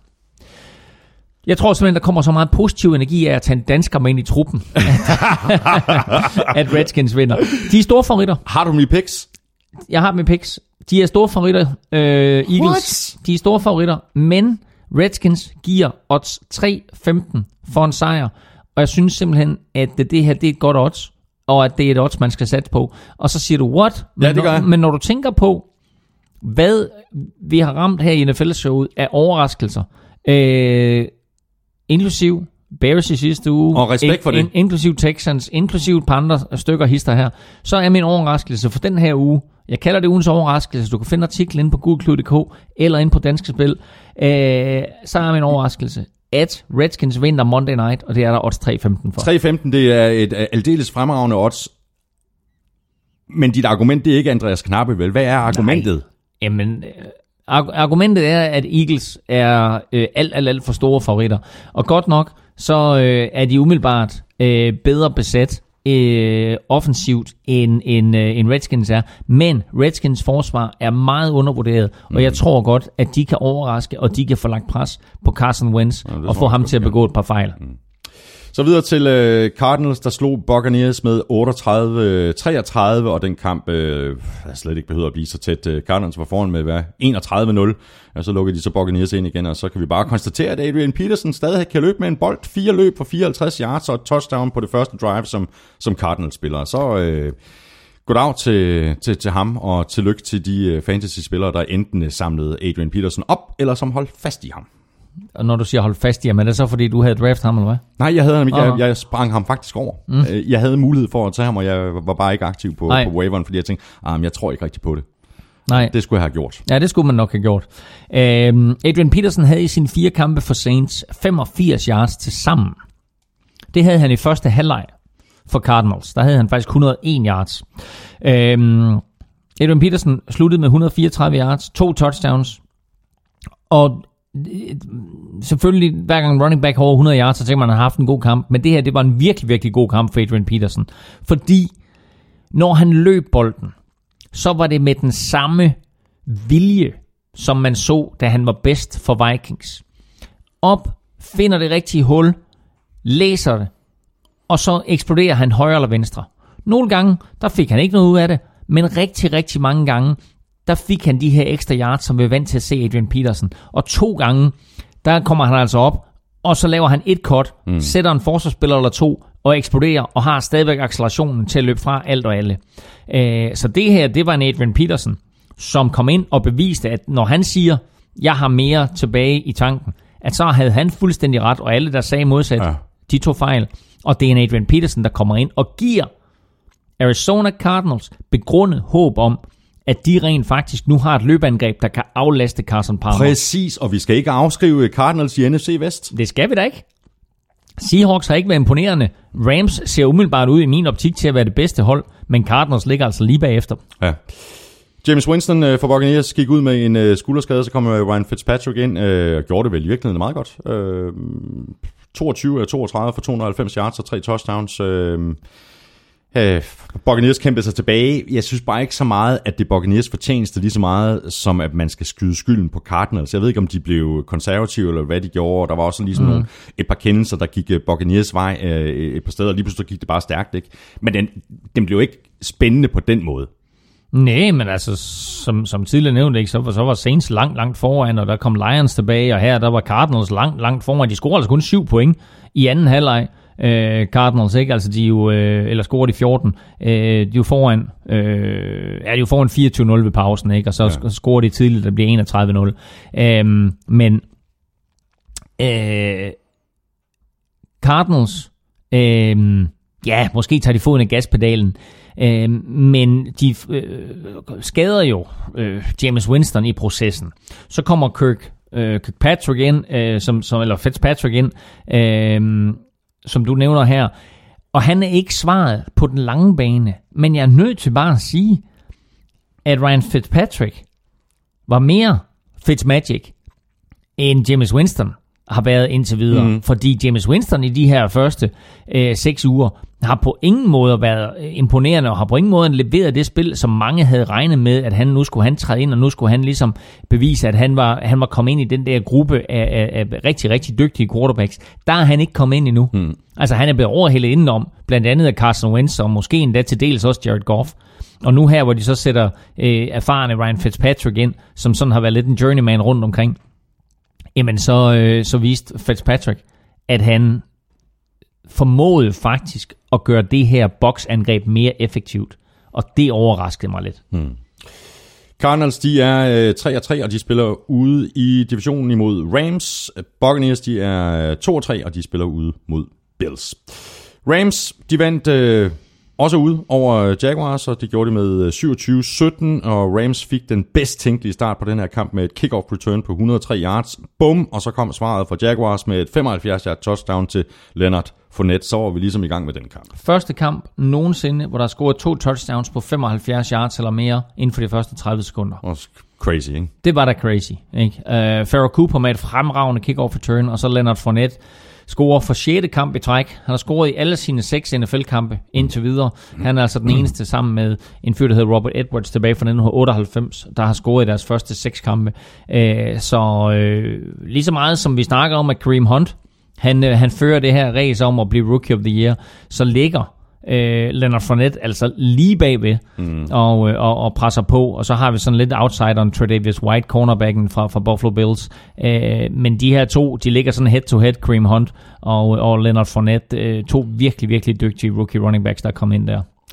Og hvis vi lige skal fokusere på, øh, på Rams, øh, så er det her Rams-hold simpelthen så meget bedre, end jeg forventede, inden sæsonen gik i gang. Mm. Øh, Øh, forsvaret, det er rock solid. Det er måske i virkeligheden ikke den helt store overraskelse, fordi øh, forsvaret var også godt øh, sidste år og forrige år. Øh, men øh, på angrebet, der er Todd Gurley i den grad en stor del af forklaringen, og så virker Jared Goff simpelthen også til at befinde sig så meget bedre i det her Sean McVay-angreb, end han gjorde under Fisher øh, sidste år. Øh, han, altså, han bliver vel ikke på den måde, Jared Goff, bedt om at gøre så forfærdeligt meget. Heller ikke i den her kamp. Nej, og det, og det øh, nej, og slet ikke i den her kamp. Jeg vil faktisk sige, at det her det er måske den kamp, hvor de har bedt ham om at gøre mindst. Men han kastede bolden 21 gange, completed 11. Ja, og det er jo, det er jo ikke øh, på nogen måde imponerende. Altså man kan sige, at han begår ikke nogen store fejl, men altså han, øh, han, han kaster et enkelt touchdown, 0 interceptions, men de beder ham ikke om, om, om noget som helst exceptionelt. Og det kan man sige, det er måske et skridt tilbage i forhold til, hvad de egentlig gerne vil, og i forhold til, hvad, hvad, hvad McVay han havde forventet, at han kunne med, med det her angreb. Til gengæld så øh, Todd Gurley, jamen, altså, øh, han fortsætter øh, og øh, løber bolden for over 100 yards igen, og er en enmands her til tider. Øh, men den, den helt store historie i den her kamp, synes jeg faktisk ikke så meget er angrebet. Jo, måske netop, at, at, at, at Goff øh, er sådan blevet sat en lille bitte smule fra bestilling, at de måske ikke stoler helt så meget på ham, som de gjorde i de første uger, og, og alle os, der har siddet og lovprist ham, måske har været en lille bitte smule for hurtigt på aftrækkeren. Men den helt store historie i den her kamp, synes jeg, er Ramses forsvar. Fordi Ramses forsvar har ikke været særlig godt i de første øh, fem uger. Og det har været en lille bitte smule skuffende, øh, at især at øh, modstanderholdene havde nemt ved at løbe på dem. Så lægger Leonard Fournette ud med at løbe 75 yards på sit første carry. Og så kan man holde det op. Det her det bliver, det bliver en, en, en, øh, en højt scorende affære, mm, øh, og det bliver en, en, en lang kamp for, for Ramses forsvar. Så løber Leonard Fournette altså bolden 20 gange mere, og på de 20 carries, der får han 55 yards til sammen. De lukker fuldstændig ned for ham. Og Aaron Donald, som jo lavede holdout og var langsom med at komme i gang, han kom der for alvor i gang i Må den her kamp. altså. Han var en brutal enmands her indvendigt. Øh, laver godt nok kun et sack, men fremtvinger en fumble, og på samtlige plays, altså mere eller mindre samtlige plays, der havde Jaguars offensiv linje så store problemer med ham. Øh, hvis han ikke selv lavede taklingen, så sørgede han for, at Leonard Fournette han løb lige ud i armene på en af hans holdkammerater. Øhm, og når vi taler om, om de her store profiler, der er skadet, jamen altså, så er det alle sammen de her posterboys. Men hvis der er en, en posterboy tilbage, som er meget, meget let profileret, så er det Aaron Donald. Øh, han er måske eh, med, med J.J. Watt ude, og, og med andre, der måske ikke helt har levet op til, til, øh, til deres store status, så tror jeg, Aaron Donald, han lige nu i min optik er den bedste forsvarsspiller, der overhovedet er i NFL. Ja. Øh, Han er i hvert fald top 5. helt sikkert top 5, og, ikke, og, og, og nærmest en ægte top 5. Faktisk en top 5, der er så lille, så der kun er tre på. Wow. Nej, så han, han har gjort det virkelig godt, og den her kamp øh, var, øh, var lidt hans øh, vende tilbage til den store scene i NFL. Men når vi, når vi peger på, på, på Rams forsvar, så bliver vi næsten også nødt til at pege på Jaguars forsvar, for det er jo det er Jaguars, der holder dem ind i kampen. Altså, det er to super gode forsvar i den her kamp. Ej, det er det. Det er det. Og, og, Især i anden halvleg, hvor det var sådan en total skyttegravskrig. Ja, det er det. Øhm, og anden halvleg ender jo altså 3-3. Øhm, så, øh, så, så, så det er et godt forsvar. Det vidste vi jo. Vi har rost det her Jaguars forsvar. Og der er mange store plays øh, på begge sider af bolden af forsvarerne. Mm. Øhm, og altså, hatten af for, for alle de her forsvarsspillere. Calais Campbell To fortsætter to, to sacks, ikke? Og, øh, øh, og, og har vist sig som måske den her offseasons bedste free agent pickup. Øh, det er svært, det er svært at sige, ikke, at, at, at det her Jaguars forsvar, det ikke er det bedste i NFL lige nu. Jeg kan ikke, jeg kan ikke nævne et forsvar i NFL, der er bedre end Jaguars, men jeg vil sige, at Rams med Aaron Donald tilbage i stor form, så begynder de stille og roligt at kravle op i rangeringen.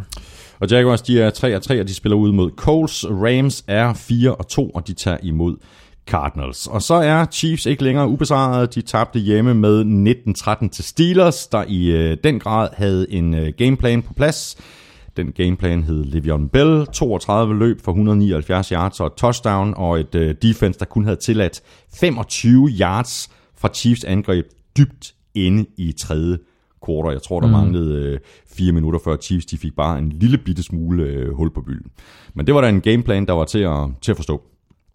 Jeg tror, Alex Smith havde, var det 25 yards passing i første halvleg? Sådan noget. Altså, det var helt crazy. Ja. Ikke? Øhm, Steelers spillede meget øh, zoneforsvar.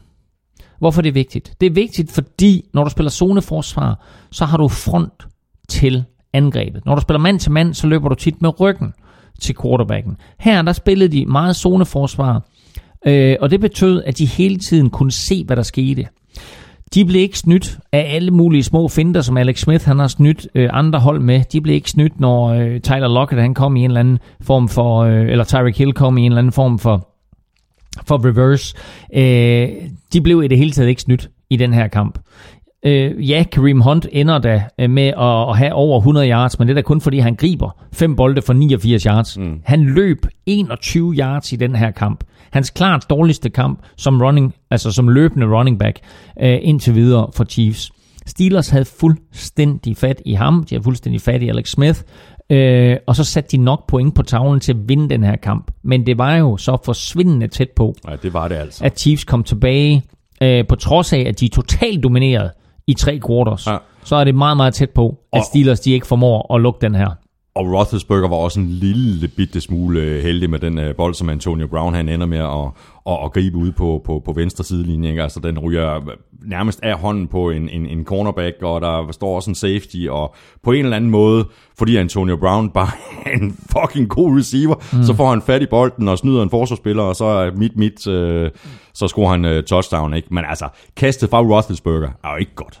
Internettet og Twitter eksploderede med, åh, hvordan greb han den, og vildt touchdown i Antonio Brown, og hvor er han crazy, 51 yards, og sprinter fra hele Chiefs forsvar. Men det går lige igennem hænderne mm. på en uh, Chiefs forsvarsspiller. Og øh, den, kan lige, den, altså, den kan lige så godt være interceptet. Den går lige igennem hænderne. Og så er det imponerende, det ved man, hvis man har spillet receiver, eller for en sags skyld bare har stået og kastet med et par venner, at man bliver meget, meget forvirret, når bolden går igennem hænderne på en, en modstander, eller måske bliver tippet en lille bitte smule, ja, og så og er det meget, meget svært at gribe. lige en lille bitte smule retning, ikke? Altså, Alligevel får han grebet den ja. der, og får så øh, sprintet fra resten af Chiefs forsvaret til, til touchdown, ikke, som afgør sagerne, og ender med at være den afgørende scoring øh, i, i den her kamp. Øh, men øh, hvis Roethlisberger han kaster den interception, så kan Chiefs lige så godt vinde den her kamp. Ja. Øh, en anden ting. Andy Reid. Jeg har aldrig øh, anset ham for at være sådan en sprudlende coach. Men altså, han har ændret lidt karakter hos Chiefs. Øh, er knap så konservativ, som han har været før i tiden. Tager nogle chancer, som vi ikke har set ham gøre før i tiden. Og han tager en fuldstændig vanvittig og tåbelig chance i den her kamp. Fordi øh, bagud med, jeg kan ikke helt præcis huske, det var bagud, de var bagud med 10, var det det? Eller var det bagud med 7? Øh, jeg tror, de var bagud med 7. Der i stedet for at sparke et field goal, på fjerde en fra 1 linjen så går han efter den. Øh, eller var det måske en, der, der var ikke, måske ikke engang fjerde en, var det var sådan noget fjerde fem fra 5 linjen altså fjerde goal fra 5 linjen det var, det var faktisk et, et, et langt forsøg, de havde behov for, for at score.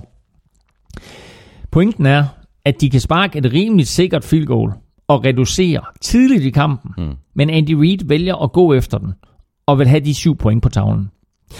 De tre point, de misser der, de kommer jo til at jagte dem senere i kampen, fordi de taber med 6. Og det vil sige, at da de har bolden til sidst, så skal de score touchdown for at vinde. Mm. Havde de fået de tre point tidligere i kampen, så ja, hvis og hvis og hvis, og alt muligt kunne ske, ja. Men som jeg nu siger det for, for 100 millioner 20. gang, tag de point, der ligger tidligt i kampen. Så kan du altid inden for de sidste 5 minutter vurdere, hvad skal vi gøre? Tag point, der ligger tidligt i kampen. Og det gjorde sig gældende flere andre steder i mm. den her spiluge også. Når du så på Buccaneers, der var tæt på at komme tilbage, de gik også efter touchdown tidligt i kampen, øh, da de var bagud 24-0. Så tænkte, mm. oh, vi, har, vi har behov for touchdown, vi skal score. Nej, du har behov for point. Ja. Ikke? Så sker der alt muligt. Øh, Lions-kampen for eksempel. Ikke? Lions gik også efter touchdown tidligt, for da de var bagud sådan noget 45-10. Øh, vi skal have de her point. Prøv at tænke på, hvad der, prøv at tænke, hvad der er ved at ske i Lions-kampen. Så tag de point, der kommer, fordi det kan være, at du får et defensivt touchdown. Det kan være, at du får et special teams touchdown. Det kan være, at modstandernes angreb dummer sig på en eller anden måde. Det kan være, at din field position pludselig bliver god i løbet af kampen, når du får nemmere ved at få point. Det samme med Chiefs her. Hvorfor skulle de gå efter det touchdown Nej, til det ligner ikke Reed. Han ligner ikke Reed. Og han blev selvfølgelig også konfronteret med det efterfølgende, sagde, det var bare det var en beslutning i det der nu, der, altså i nuet. Øhm, men han skulle tage de tre point. Fordi det her det ender med at blive en kamp, hvor hvis de har taget de tre point, så er det stået 19-16, og så er de kun behøvet et, et field goal fra uh, the, vi, bot, vi the, the, en, the Bot Got Did It. Ja, vi kan uh, gøre en kæmpe forskel. Ja, præcis. Ikke? Men, men det her med at tage uh, pointene, uh, når man har chancen for, for uh, at, at tage dem, mm. det er jo meget sjovt, hvad der er sket i forhold til, efter man ændrede reglerne for, uh, for, for, for ekstra pointet, mm. hvor vi tænkte, oh, nu kommer vi til at se mange flere hold gå efter, uh, efter at gå efter mm. og, og score to point på, på et ekstra touchdown. Det ser vi faktisk ikke så meget, som vi lige så det første år, da den regel den, uh, trådte i kraft, hvor, hvor Steelers gjorde det en del faktisk mm. tidligt, tidligt på sæsonen. Ja. Øhm, ja, det gjorde de faktisk, men altså, det, der, der var de måske også et skridt foran alle andre klubber, fordi de havde trænet det i to år, før reglen trådte i kraft. Nu har alle trænet det, det vil sige, at de har trænet det både offensivt, men de har også trænet det defensivt til at forhindre two-point conversions. Øh, så nu her, der er det, altså der er, der er vi nede, og vi ser det meget, meget sjældent brugt. Nu kan, jeg kan faktisk desværre ikke huske, hvad det er for en kamp, men der er en kamp, hvor der er en, øh, i her weekend, hvor der er en offside på, øh, på et ekstra point. Øh, og så i stedet for at gentage det ekstra point, så siger de, jamen okay, jamen hey, vi får halvdelen af distancen ind til mållinjen fra tojerlinjen. Mm. Ikke? Mm. Og, så, og så bolden op på linjen, og så løb de faktisk bolden ind. Jeg, jeg er over mig, jeg undskylder, for ja, ja, ja, jeg lytter med over, at jeg ikke kan huske, hvad det var for en kamp lige nu. Men, øh, men, men det, er jo, det er jo smart, at når du får en straf, ikke? Så i stedet for at sige, okay, jamen altså, øh, vi, vi tager den på kickoffet, men så kan du få halvdelen af distancen fra, fra der, hvor bolden ligger, altså fra tojerlinjen, ned på etjerlinjen, og så hamrede de den ind øh, og fik to point. Øh, så på den måde, der kan man se, at der er en enorm forskel på, om bolden ligger på tojerlinjen, eller den ligger på ja. etjerlinjen. Mm. Og Chiefs gik altså, som jeg lige husker det, fra femjerlinjen på den her fjerde down, og fik den altså igen. Og øh, Steelers, de er 4-2, og de spiller hjemme imod øh, Bengals. Chiefs, de er 5-1, og de skal til Oakland Thursday night og spille mod Raiders. Og det kører ikke lige frem for Raiders for tiden. De tabte med øh, 17-16 til Chargers, og har nu tabt de seneste fire kampe. Øhm, og det er ikke hver dag, at øh, Chargers de vinder en, øh, en tæt fodboldkamp øh, til allersidst. Det plejer at være lige omvendt, men nu har de gjort det to uger i træk på udebane. Oven i købet forrige uge, der vandt de øh, over Giants også til, til allersidst. Øh, så øh, Nick Novak er afgjort med et, øh, et field goal. Så det må da være helt rart, en helt ny fornemmelse i Chargers land, at øh, det godt kan lade sig gøre at vinde de der kampe. åbenbart. Præcis. Og tilsvarende katastrofal følelse, de må have i Oakland. Ja, altså øh, selv med Derek Carr tilbage, så, øh, så, var, så var det her jo ikke et Oakland Raiders-mandskab, som på nogen måde var eksplosivt, og faktisk så lægger Derek Carr ud med at kaste en, en interception på sin allerførste bold, ja. øh, og så var, temp, så var, så var hvad skal vi sige, tempo ligesom sat for den her kamp. Og øh, Chargers er jo på ingen måde dominerende, men de holder sig ind i kampen, og så får de chancen for at sparke et field goal til sidst. Og øh, de øh, sparkede jo Young Ho på porten for nogle uger siden og hævde Nick Noway ind. Men øh, Nick Noway, eller Novak, han øh, var altså yes way i den her kamp, og får sparket det der field goal til 17-16. Øh, og øh, selvom Philip Rivers har været i den her liga siden 2004, så var han stadigvæk ikke statisk på sidelinjen. Øh, og nu har de vundet to kampe i træk, og de er på ingen måde... Ja, og pilen peger opad, ikke? Jo, jo, altså de er på ingen måde ude af det. Og øh, kombinationen af, af, hvad hedder det, Philip Rivers, og, og så tight end Hunter Henry, receiver Keenan Allen, og så Melvin Melvin Gordon, Gordon, øh, ser altså ud til virkelig stille og roligt at blive bedre og bedre uge for uge for, øh, for San Diego Chargers. Åh, oh, undskyld, Los Angeles Chargers. øhm, mens øh, vi bare må sige, at øh, den, den, de her seks første kampes største skuffelse på tværs af alle positioner, på tværs af alle spillere, der er blevet fyret, det er Mark Cooper, receiveren fra Oakland Raiders. Altså, øh, ja, nok griber han fem altså, bolde i den her kamp. Han, stiller op med hænder den her gang, ikke? 28, jo, jo, men altså, han, han, han, er, altså, han griber 28 yards, Thomas. Jo, jo, Ikke? fem Altså- bolde, men han, men han greb der bolde i den her kamp. Jo, jo, altså, der, der er han, han, han, han greb dem da trods alt, men altså, de holdt op med at sige, okay, nu går du bare dybt, og så kaster vi til dig. Altså, det er der, der, det. Deres dybe receiver, det er Michael Crabtree, ikke? Jo. Altså, så, øh, så altså, øh, kæmpe skuffelse for, for Amari Cooper personligt, men selvfølgelig også for, for Raiders hold og Raiders fans, at, øh, at han øh, slet ikke er der på det niveau, som de havde håbet på. Har de tvunget Derek Carr tilbage for tidligt? Uh, lidt ligesom man så med Vikings, der, der smed Sam Bradford ind, uh, måske en uge eller to uh, for, for tidligt, fordi vi sådan, okay, nu har vi tabt tre, tre i træk. Mm. Er du klar, Derek Carr? Ja, ja, jeg er klar. Men han så lidt stiv ud, og han kaster også et par interceptions. Ja, jeg ved ikke, om det skyldes skaden, altså. Nej, altså han lægger ud med at kaste en interception, og han kaster også en senere i kampen. Øh, ja, jeg synes, han virkede stiv, men jeg synes ikke, at han virkede lige så hæmmet af en rygskade, som man kunne have forventet. Øh, jeg synes måske, det er for tidligt, for jeg synes faktisk ikke, at EJ Manuel har gjort det så dårligt Nej. Nej. som backup quarterback. Så, øh, men altså, så jeg havde håbet på, at Derek Carr han kunne give dem en eller anden knist, og, og, og måske også altså, være den afgørende faktor. Øh, og de er jo også super tæt på at vinde den her kamp, men altså, øh, for en gang skyld, ikke? Så, så vinder Chargers ja. i sidste sekund. Stolpe og, øh, og som du sagde, så har de gjort det to uger i træk. Og havde de nu haft Nick Novak til at starte med, øh, i stedet for det der øh, Young Ho-projekt der, ikke? Så, øh, så er det ikke umuligt. De har været 4-2. Nej, det er det faktisk ikke.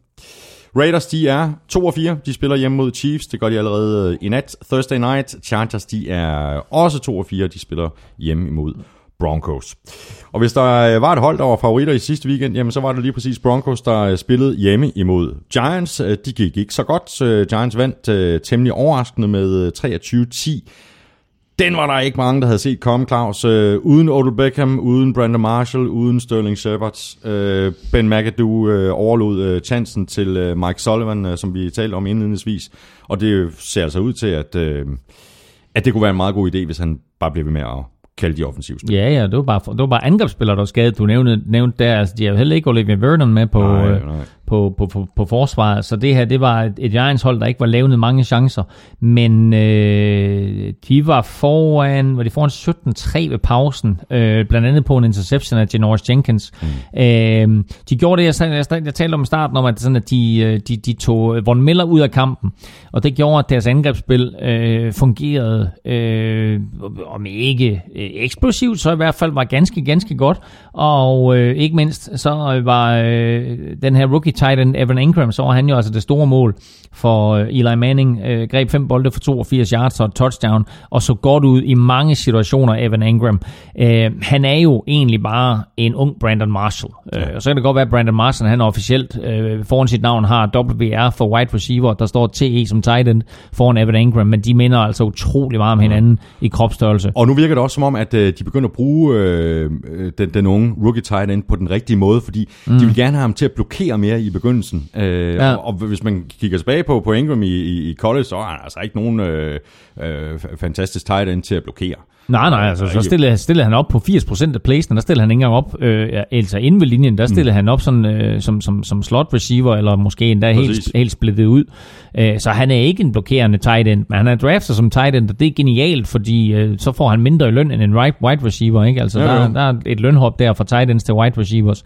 Så hvis jeg var Evan Ingram, så ville jeg da have min øh, stillingsbetegnelse øh, omdøbt til er, der, wide det er receiver. der andre tight ends, der har forsøgt sig med det der. Ikke? Præcis, ikke? Fordi øh, det, øh, der, altså, øh, Øh, Gronk får en, en del penge, men udover det, så tror jeg ikke, at der er ret mange tight ends, der får wide receiver penge øh, i ligaen. Øh, men udover det, at de tog Von Miller ud af kampen, så tvang de også Trevor Simeon til at vinde den her kamp for dem, fordi de tillod hverken CJ Anderson eller Jamal Charles at løbe bolden. Og det her Giants-forsvar, der var så godt sidste år, det så vi endelig, endelig så vi det igen. Vi så en linje, der dominerede. Vi så nogle, øh, hvad skal vi sige det, øh, nogle linebackers, som ikke nødvendigvis sådan er household names, som gjorde det rigtig godt. Vi så en Landon Collins i topform, og vi så en Janoris Jason, Jason Pierre-Paul. Jason, ja, om det var det, men det defensive line. Okay, ja. 3-6 af Jason ja, Pierre-Paul ja, kunne også godt have været nomineret til, til ugens spiller. Æ, og så så vi en Janoris Jenkins, som jo fuldstændig lukkede ned øh, for, for receiverne i sin side, og også scorede touchdown øh, sent i anden kvartal, øh, og dermed gjorde føringen til 17-3 for, for, for Giants, og en, en chokerende føring. Men de tog løbeangrebet væk, og dermed så tvang de Trevor Simeon til at vinde kampen for Broncos. Og der må man bare sige, det kunne han ikke. Og der var han altså ikke den quarterback, som de måske havde håbet på. Han fik jo også, øh, han måtte jo forlade banen på et tidspunkt, og hvad betød det? Det betød, Brock Osweiler kom på banen. Så øh, han var altså inde, Brock Osweiler, øh, og øh, completed to kast ud af fire, øh, inden, inden Simeon han så kom tilbage igen. Men altså, øh, Trevor Simeon, altså jeg vil sige det på en måde, for en quarterback som Trevor Simeon, der kaster 376 yards, der er det her den dårligste præstation, jeg har set. Altså, fordi de der 376 yards, jeg ved ikke helt, hvor de kom fra. Jeg så kampen, og jeg har ingen anelse om, hvor de 376 yards, de kom fra. Han completer 29-50. Ja, men det er jo så også en fejl. Han skal ikke kaste 50 bold. Han skal ikke tage Nej, det skal han over. Nej, det skal han 50 over. Men hvis, de lukker, hvis Giants øh, forsvar ja. lukker ned for løbet, Ja, ja. det er bare vildt, at de kan lukke ned for CJ og for Jamal Charles, ikke? Jo, jo. Men altså, øh, det, det gjorde de. Og øh, det var ikke mindst øh, på grund af store Damon Harrison i midten, som, som måske spillede sin bedste kamp i år.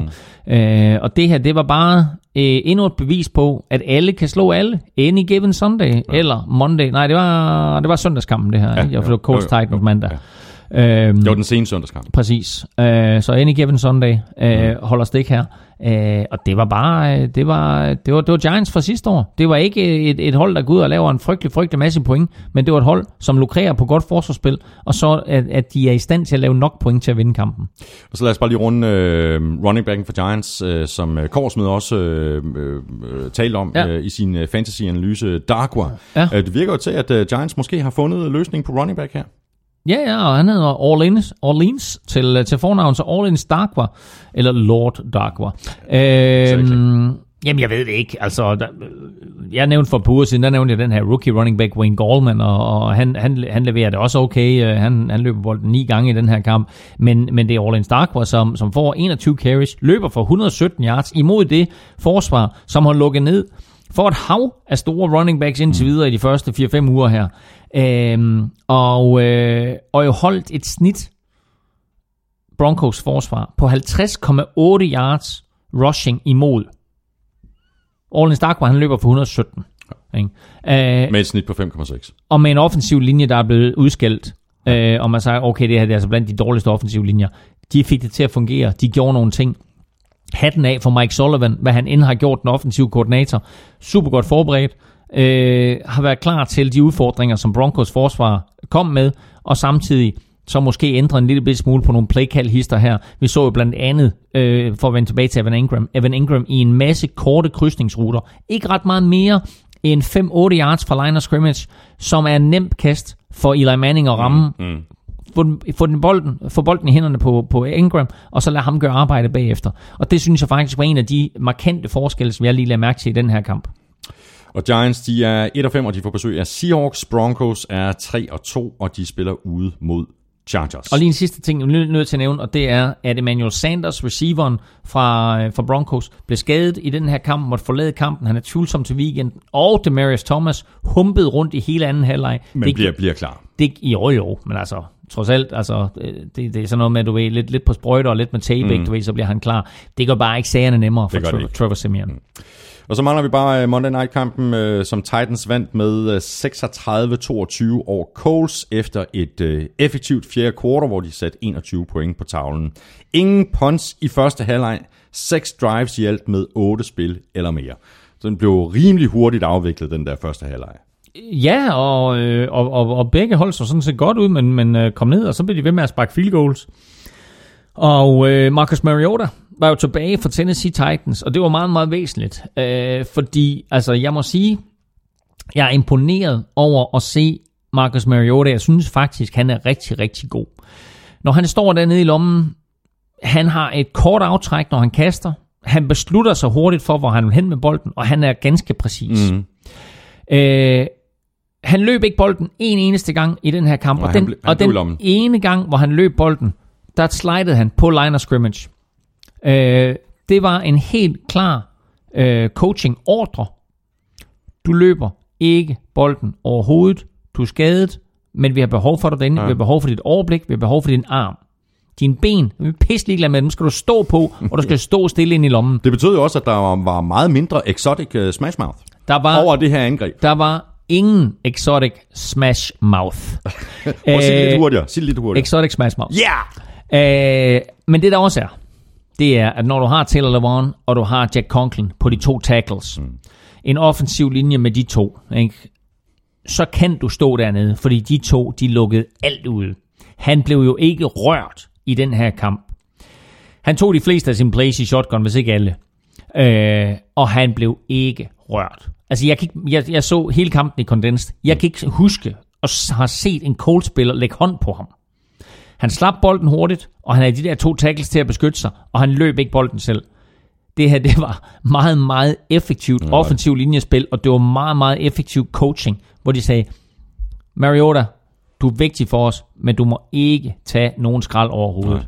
Øh, og så må man bare sige, når man som Titans har gjort det, de har gjort, og to år i træk, øh, sat sig tungt på offensiv linjemænd, og draftet to offensiv linjemænd, og de har succes og har valgt rigtigt, og de to offensive linjemænd, de lever op til deres høje draft-status, så har du bare en god øh, offensive line, fordi de to tackles der, det er det bedste tackle-tandem i hele ligaen. Mm.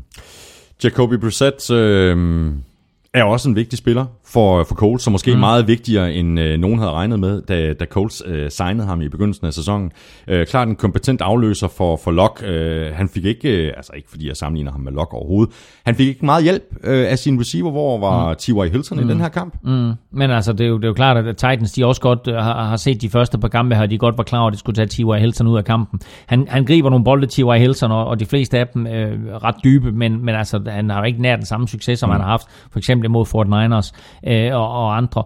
Øh, men altså, hatten af for Jacoby Brissett, og hatten af for Coles at forlade den trade inden sæsonen. Og øh, altså, det er sjældent, at Patriots bliver snydt i en handel.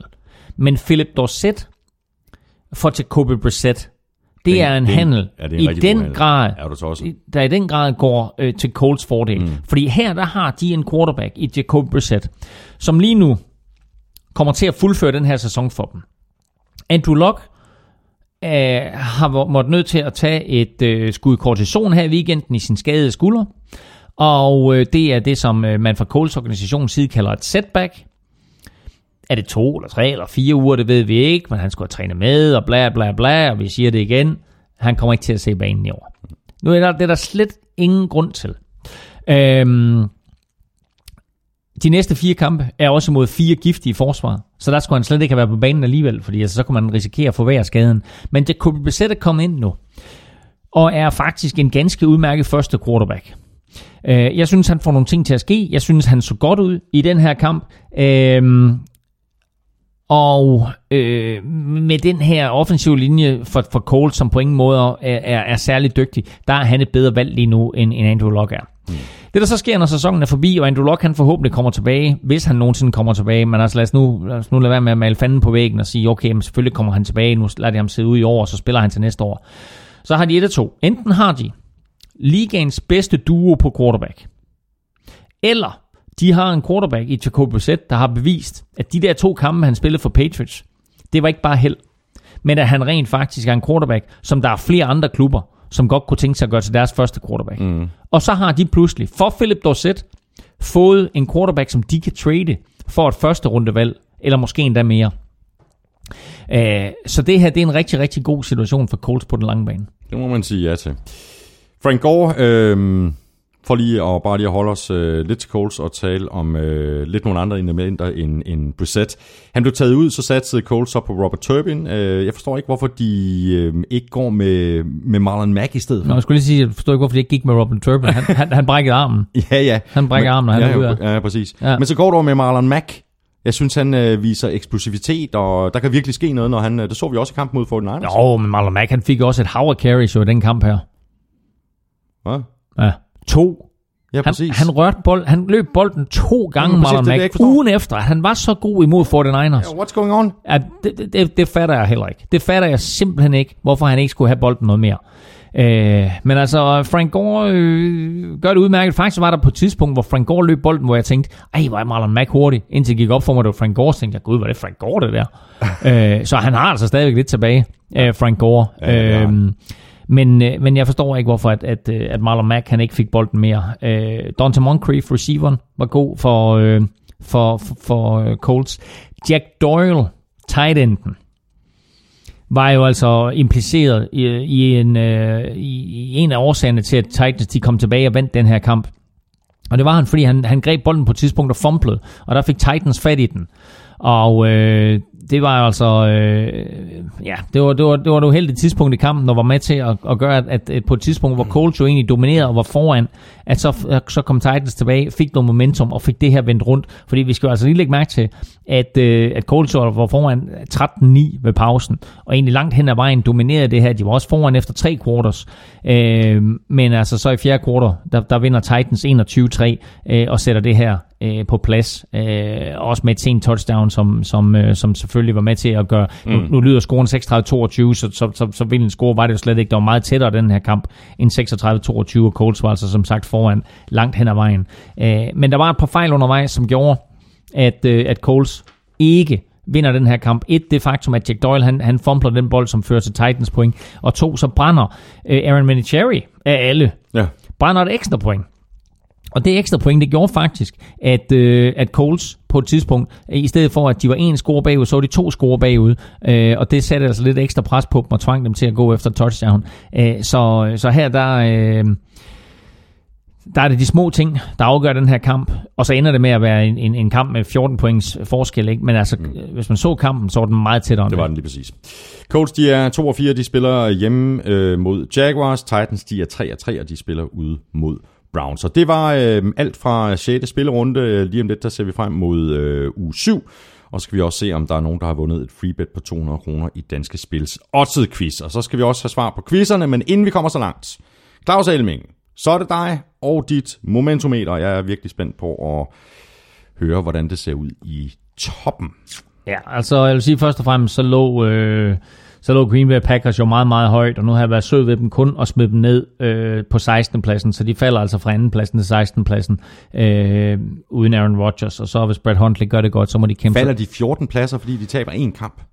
de næste Aaron Rodgers. Det her det er et momentometer, det er ikke en power Sådan, ranking. sådan det, her, det her det er et momentometer, og uden Aaron Rodgers, der ryger meget af dit momentum. Øh, Det må man sige ja til. Eagles etter. Ja, der er ikke så meget at om. Ja, det ved jeg ikke. Altså, de Nå, overtog, det- de overtog for Chiefs, ikke? Så Eagles etter. Øh, Chiefs toer. Men de skal jo, de skal jo falde på de momentometer, når de taber, ikke? Nej, man, nej, nej, nej. Man kan ikke falde, hvis man, ta- hvis man vinder. Men man behøver ikke at tabe. Man behøver ikke at falde, hvis man taber. Okay. Det er meget kompliceret. Nej, det er der ikke. Der er én regel, og det er, man kan ikke falde på mit momentometer, hvis man vinder. Sådan. Sådan, ikke? Altså, svært er det ikke. Så Eagles er etter. Eagles 1'er, Chiefs toer. 2'er, Vikings 3'er, Nej! Vikings 3'er. Hold da kæft, fordi de vinder en kamp over Packers uden Aaron Rodgers. Og fordi Aaron Rodgers nu er ude, og derfor så ligger NFC North lige til Vikings. Der er så, Hold jamen altså, prøv at høre. Seattle Seahawks 4. Hvad med Rams, Patriots, Hør efter, hvad jeg siger nu. Texans, Seattle Redskins? Seahawks 4. Og jeg vil bare lige, jeg vil bare lige nævne den tekst, jeg har skrevet til Seattle Seahawks, fordi de kommer fra plads 8 til plads 4 uden at spille. Og det gør de, fordi den ene stød, den anden sprød. Med Aaron Rodgers ude blev Seahawks chancer pludselig meget bedre, selvom de sad over. Og momentum meteret sluttes af i top 5 med Carolina Panthers. Øh, og lige uden for top 5, der finder du Rams og Patriots og Texans. Og i bunden, Browns og 49ers, to klubber uden sejre. Og så tænk på, at 30, passer ikke, 29 klubber, 29 klubber, Thomas Kortrup, har vundet to eller flere kampe. Ja, det er faktisk crazy, ikke også? Ud af 32. Ja, det er det. Det er tight. Ja. Vi vil også se på, på masser af divisioner. Nu nærmer vi så, så småt der, hvor vi sådan skal øh, se på, øh, på, på halvvejsmærket ikke? om to-tre ugers tid. Øh, jeg kan ikke huske, at det har været så tæt i så mange divisioner. Altså, Nej, altså der er jo, der er jo nærmest intet, der er afgjort endnu øh, i nogle divisioner. Øh, som regel så er der altid tegnet sig et eller andet billede, mm, mm. og man kan sige, ja okay, AFC West, der ser Chiefs der godt nok ud til at, at, at, at løbe med det, men altså, øh, så bliver de sat på plads af Steelers, ikke? og så kommer Steelers måske med et blueprint til, hvordan at, at man slår Chiefs, men øh, altså, så der er ingenting, der er overhovedet afgjort endnu.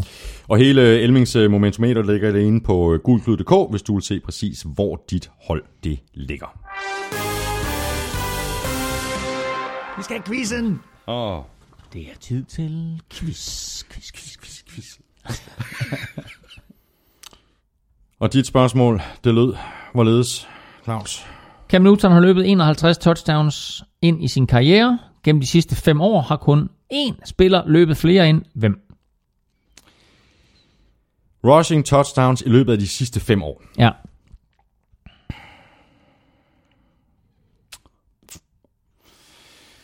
Du har haft to timer og 20 minutter Ja, jeg har haft, til at lidt, komme lidt, jeg har haft lidt andet at se til, og nu er jeg, Nå, det har helt, du og nu er jeg helt vildt rystet over det der med Vikings ligger nummer, nummer tre på de momentometer. Nu er jeg, jeg, jeg, jeg, er helt ude af den. Ja. Ja. Uh, og jeg har nogle bud. Jeg kan ikke i... Um, uh, Marshawn Lynch er mit første bud. Det er så sindssygt, men det er fuldstændig rigtigt. Er det rigtigt? rigtigt? Sådan der. Hvor er det godt. Ja, vil du høre min andre bud? Ja, kom med det. Frank Gore, Ja, uh, Adrian Peterson ja. og LeSean McCoy. Det er de fire navne, jeg har skrevet op. Ja, jeg tror, at af de tre vil jeg nok have, have valgt LaShawn McCoy. Ja. Jeg Ja. tror, de andre har ikke været så effektive øh, rent scoringsmæssigt de sidste, seneste par år. Øh, og Adrian Peterson sad jo også ude et, et helt år, ikke? Så, men altså, Men Marshall Marshawn Lynch, Lynch, på trods af, at han sad ude uh, Ja. ja. hele sidste år. Ja. Ja. Ja. Så øh, ja, det, er, det er virkelig sejt. Det, det skal du have. Men øh, jeg tænkte, at jeg måtte hellere stramme an, når du nu har svaret rigtigt. Wow, damn boy. Sådan. Så er det dig, der skal Ja. svare på det quizzen. Ja. Spørgsmålet var, øh, hvilken quarterback har flest TD-passes i Ja. ja. sin rookie-sæson? Ja, jeg har et, øh, jeg har et bud, og hvis det ikke er rigtigt, så har jeg faktisk et elgammelt bud, som jeg vil komme med. Jeg, jeg siger det er Andrew Luck. Så kom med dit elgamle bud. Rick Myra. Har du et ældre bud? Eller et nyere, friskere? Et andet bud? Okay, var det ikke nogen af dem? Damn it! Oh, hvilken quarterback har kastet for flest touchdowns i sin rookie-sæson? Mhm. Ej, Og du kan, og du kan ikke komme, komme øh, i tanker om én spiller, men jeg kan så sige, at det er faktisk to spillere, der deles om æren. Nå. Så nu er du, 50, nu, man sige, du har 50% chance for at ramme en af dem rigtigt. Ja, om så er det så er den ene, det er James Winston. Heller ikke. Oh, giv mig en overgang. Øhm, ja. Jamen, vi kan starte, vi kan starte et andet sted. Okay, pis. Øhm, den ene spiller er pensioneret, og den anden spiller spiller stadigvæk. Nå, det hjælper ikke rigtigt. Skal vi have nogle årgange så? 1998 og 2012. Jamen, okay, altså, 1998, det må være Peyton Manning jo. Det er korrekt. Øh, 26 touchdowns, ja. og han deles om den her rekord med en anden spiller, som gjorde det samme i 2012. som så er Robert Griffin. Nej. 2012, der er pensioneret. Nej, Nå, nå, han, det er nå, han, Peyton Manning, nå, han der er er- pensioneret. Ja, ja, okay, okay, okay. Men jeg tænkte, du helt... Hvad spiller Peyton Manning stadigvæk? Okay, 2012. Øh, Marcus Mariota? Heller Nej, nej, nej, han er ikke for 12, jo. Han Nej, er for 12. han ikke. Hvad er det, det er fem år siden? Øh, Cam Newton? Nej. Nej, jeg giver op. Hvem er det? Det er Russell Wilson.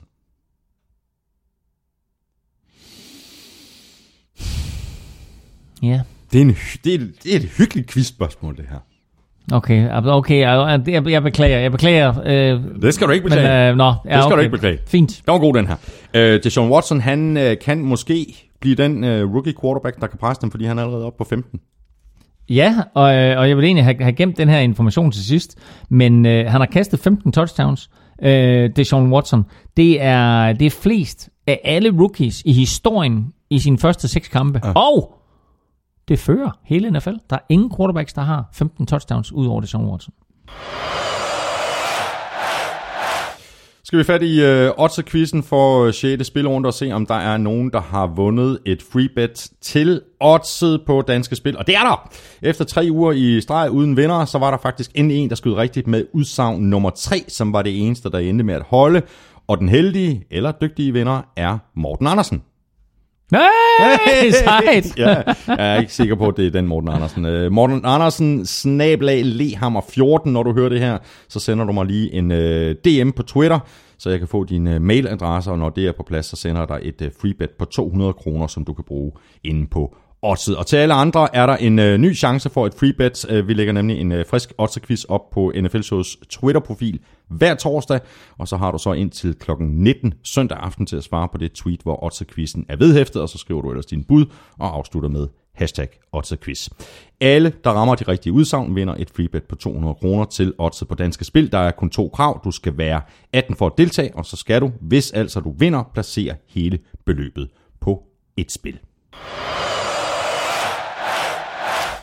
skal vi sætte vores øh, picks til syvende spillerunde. Øh, Jeg førte med 6 for to uger siden, så førte jeg med 3, og nu fører jeg kun med 2. Du havde Vent, vent, nemlig- vent, jeg går nok kun én på dig. Ja. Okay, nej, jeg troede faktisk, det var flere. Ja, men øh, det var øh, dit øh, Titans øh, valg der til sidst. Ja. Der, de, der, Jeg eller tog, jeg tog Colts- ja, ja. Coles, ja. Øh, men øh, som øh, Lukas Williamson skriver, altså jeg, jeg fører 50-48 nu. Ja. Øh, I sidste uge, der skiftede Claus i sidste øjeblik sit pick i Lions-kampen. Øh, det viser sig at være en øh, god idé at Ja, gå imod sin øh, første indskydelse, og dermed formåede han at bryde sin steam på syv missede Lions resultater i streg.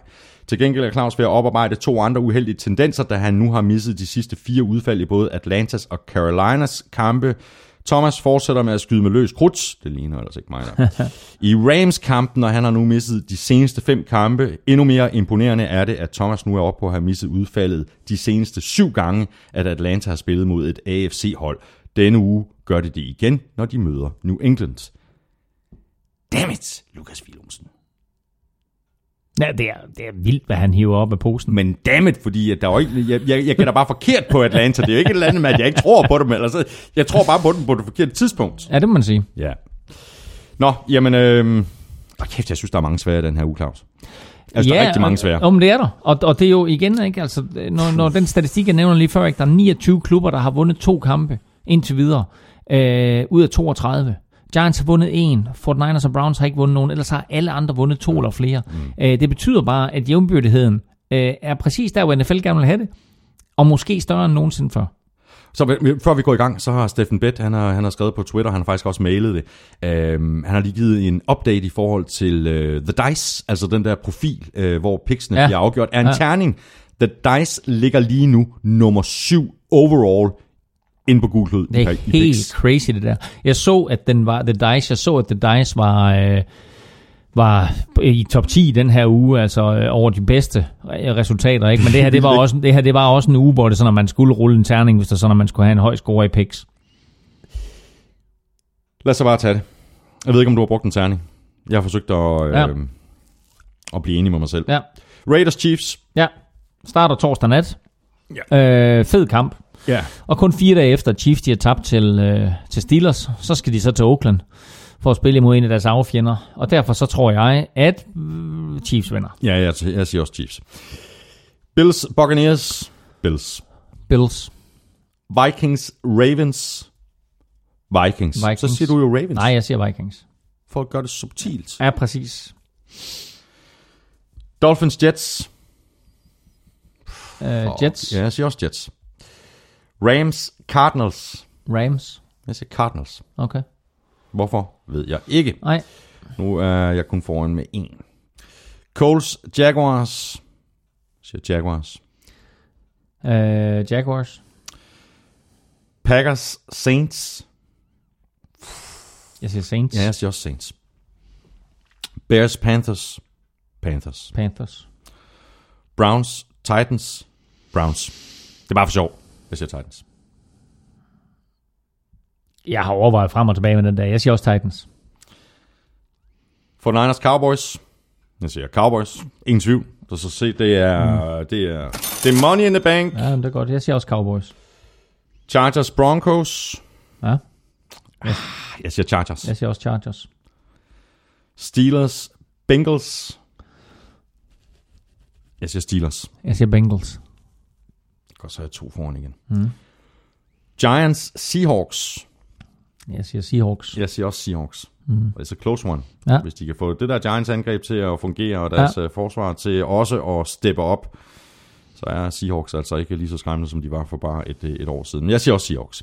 Patriots, Falcons. Wow, man. Mm. Ej, men jeg tror Patriots vinder.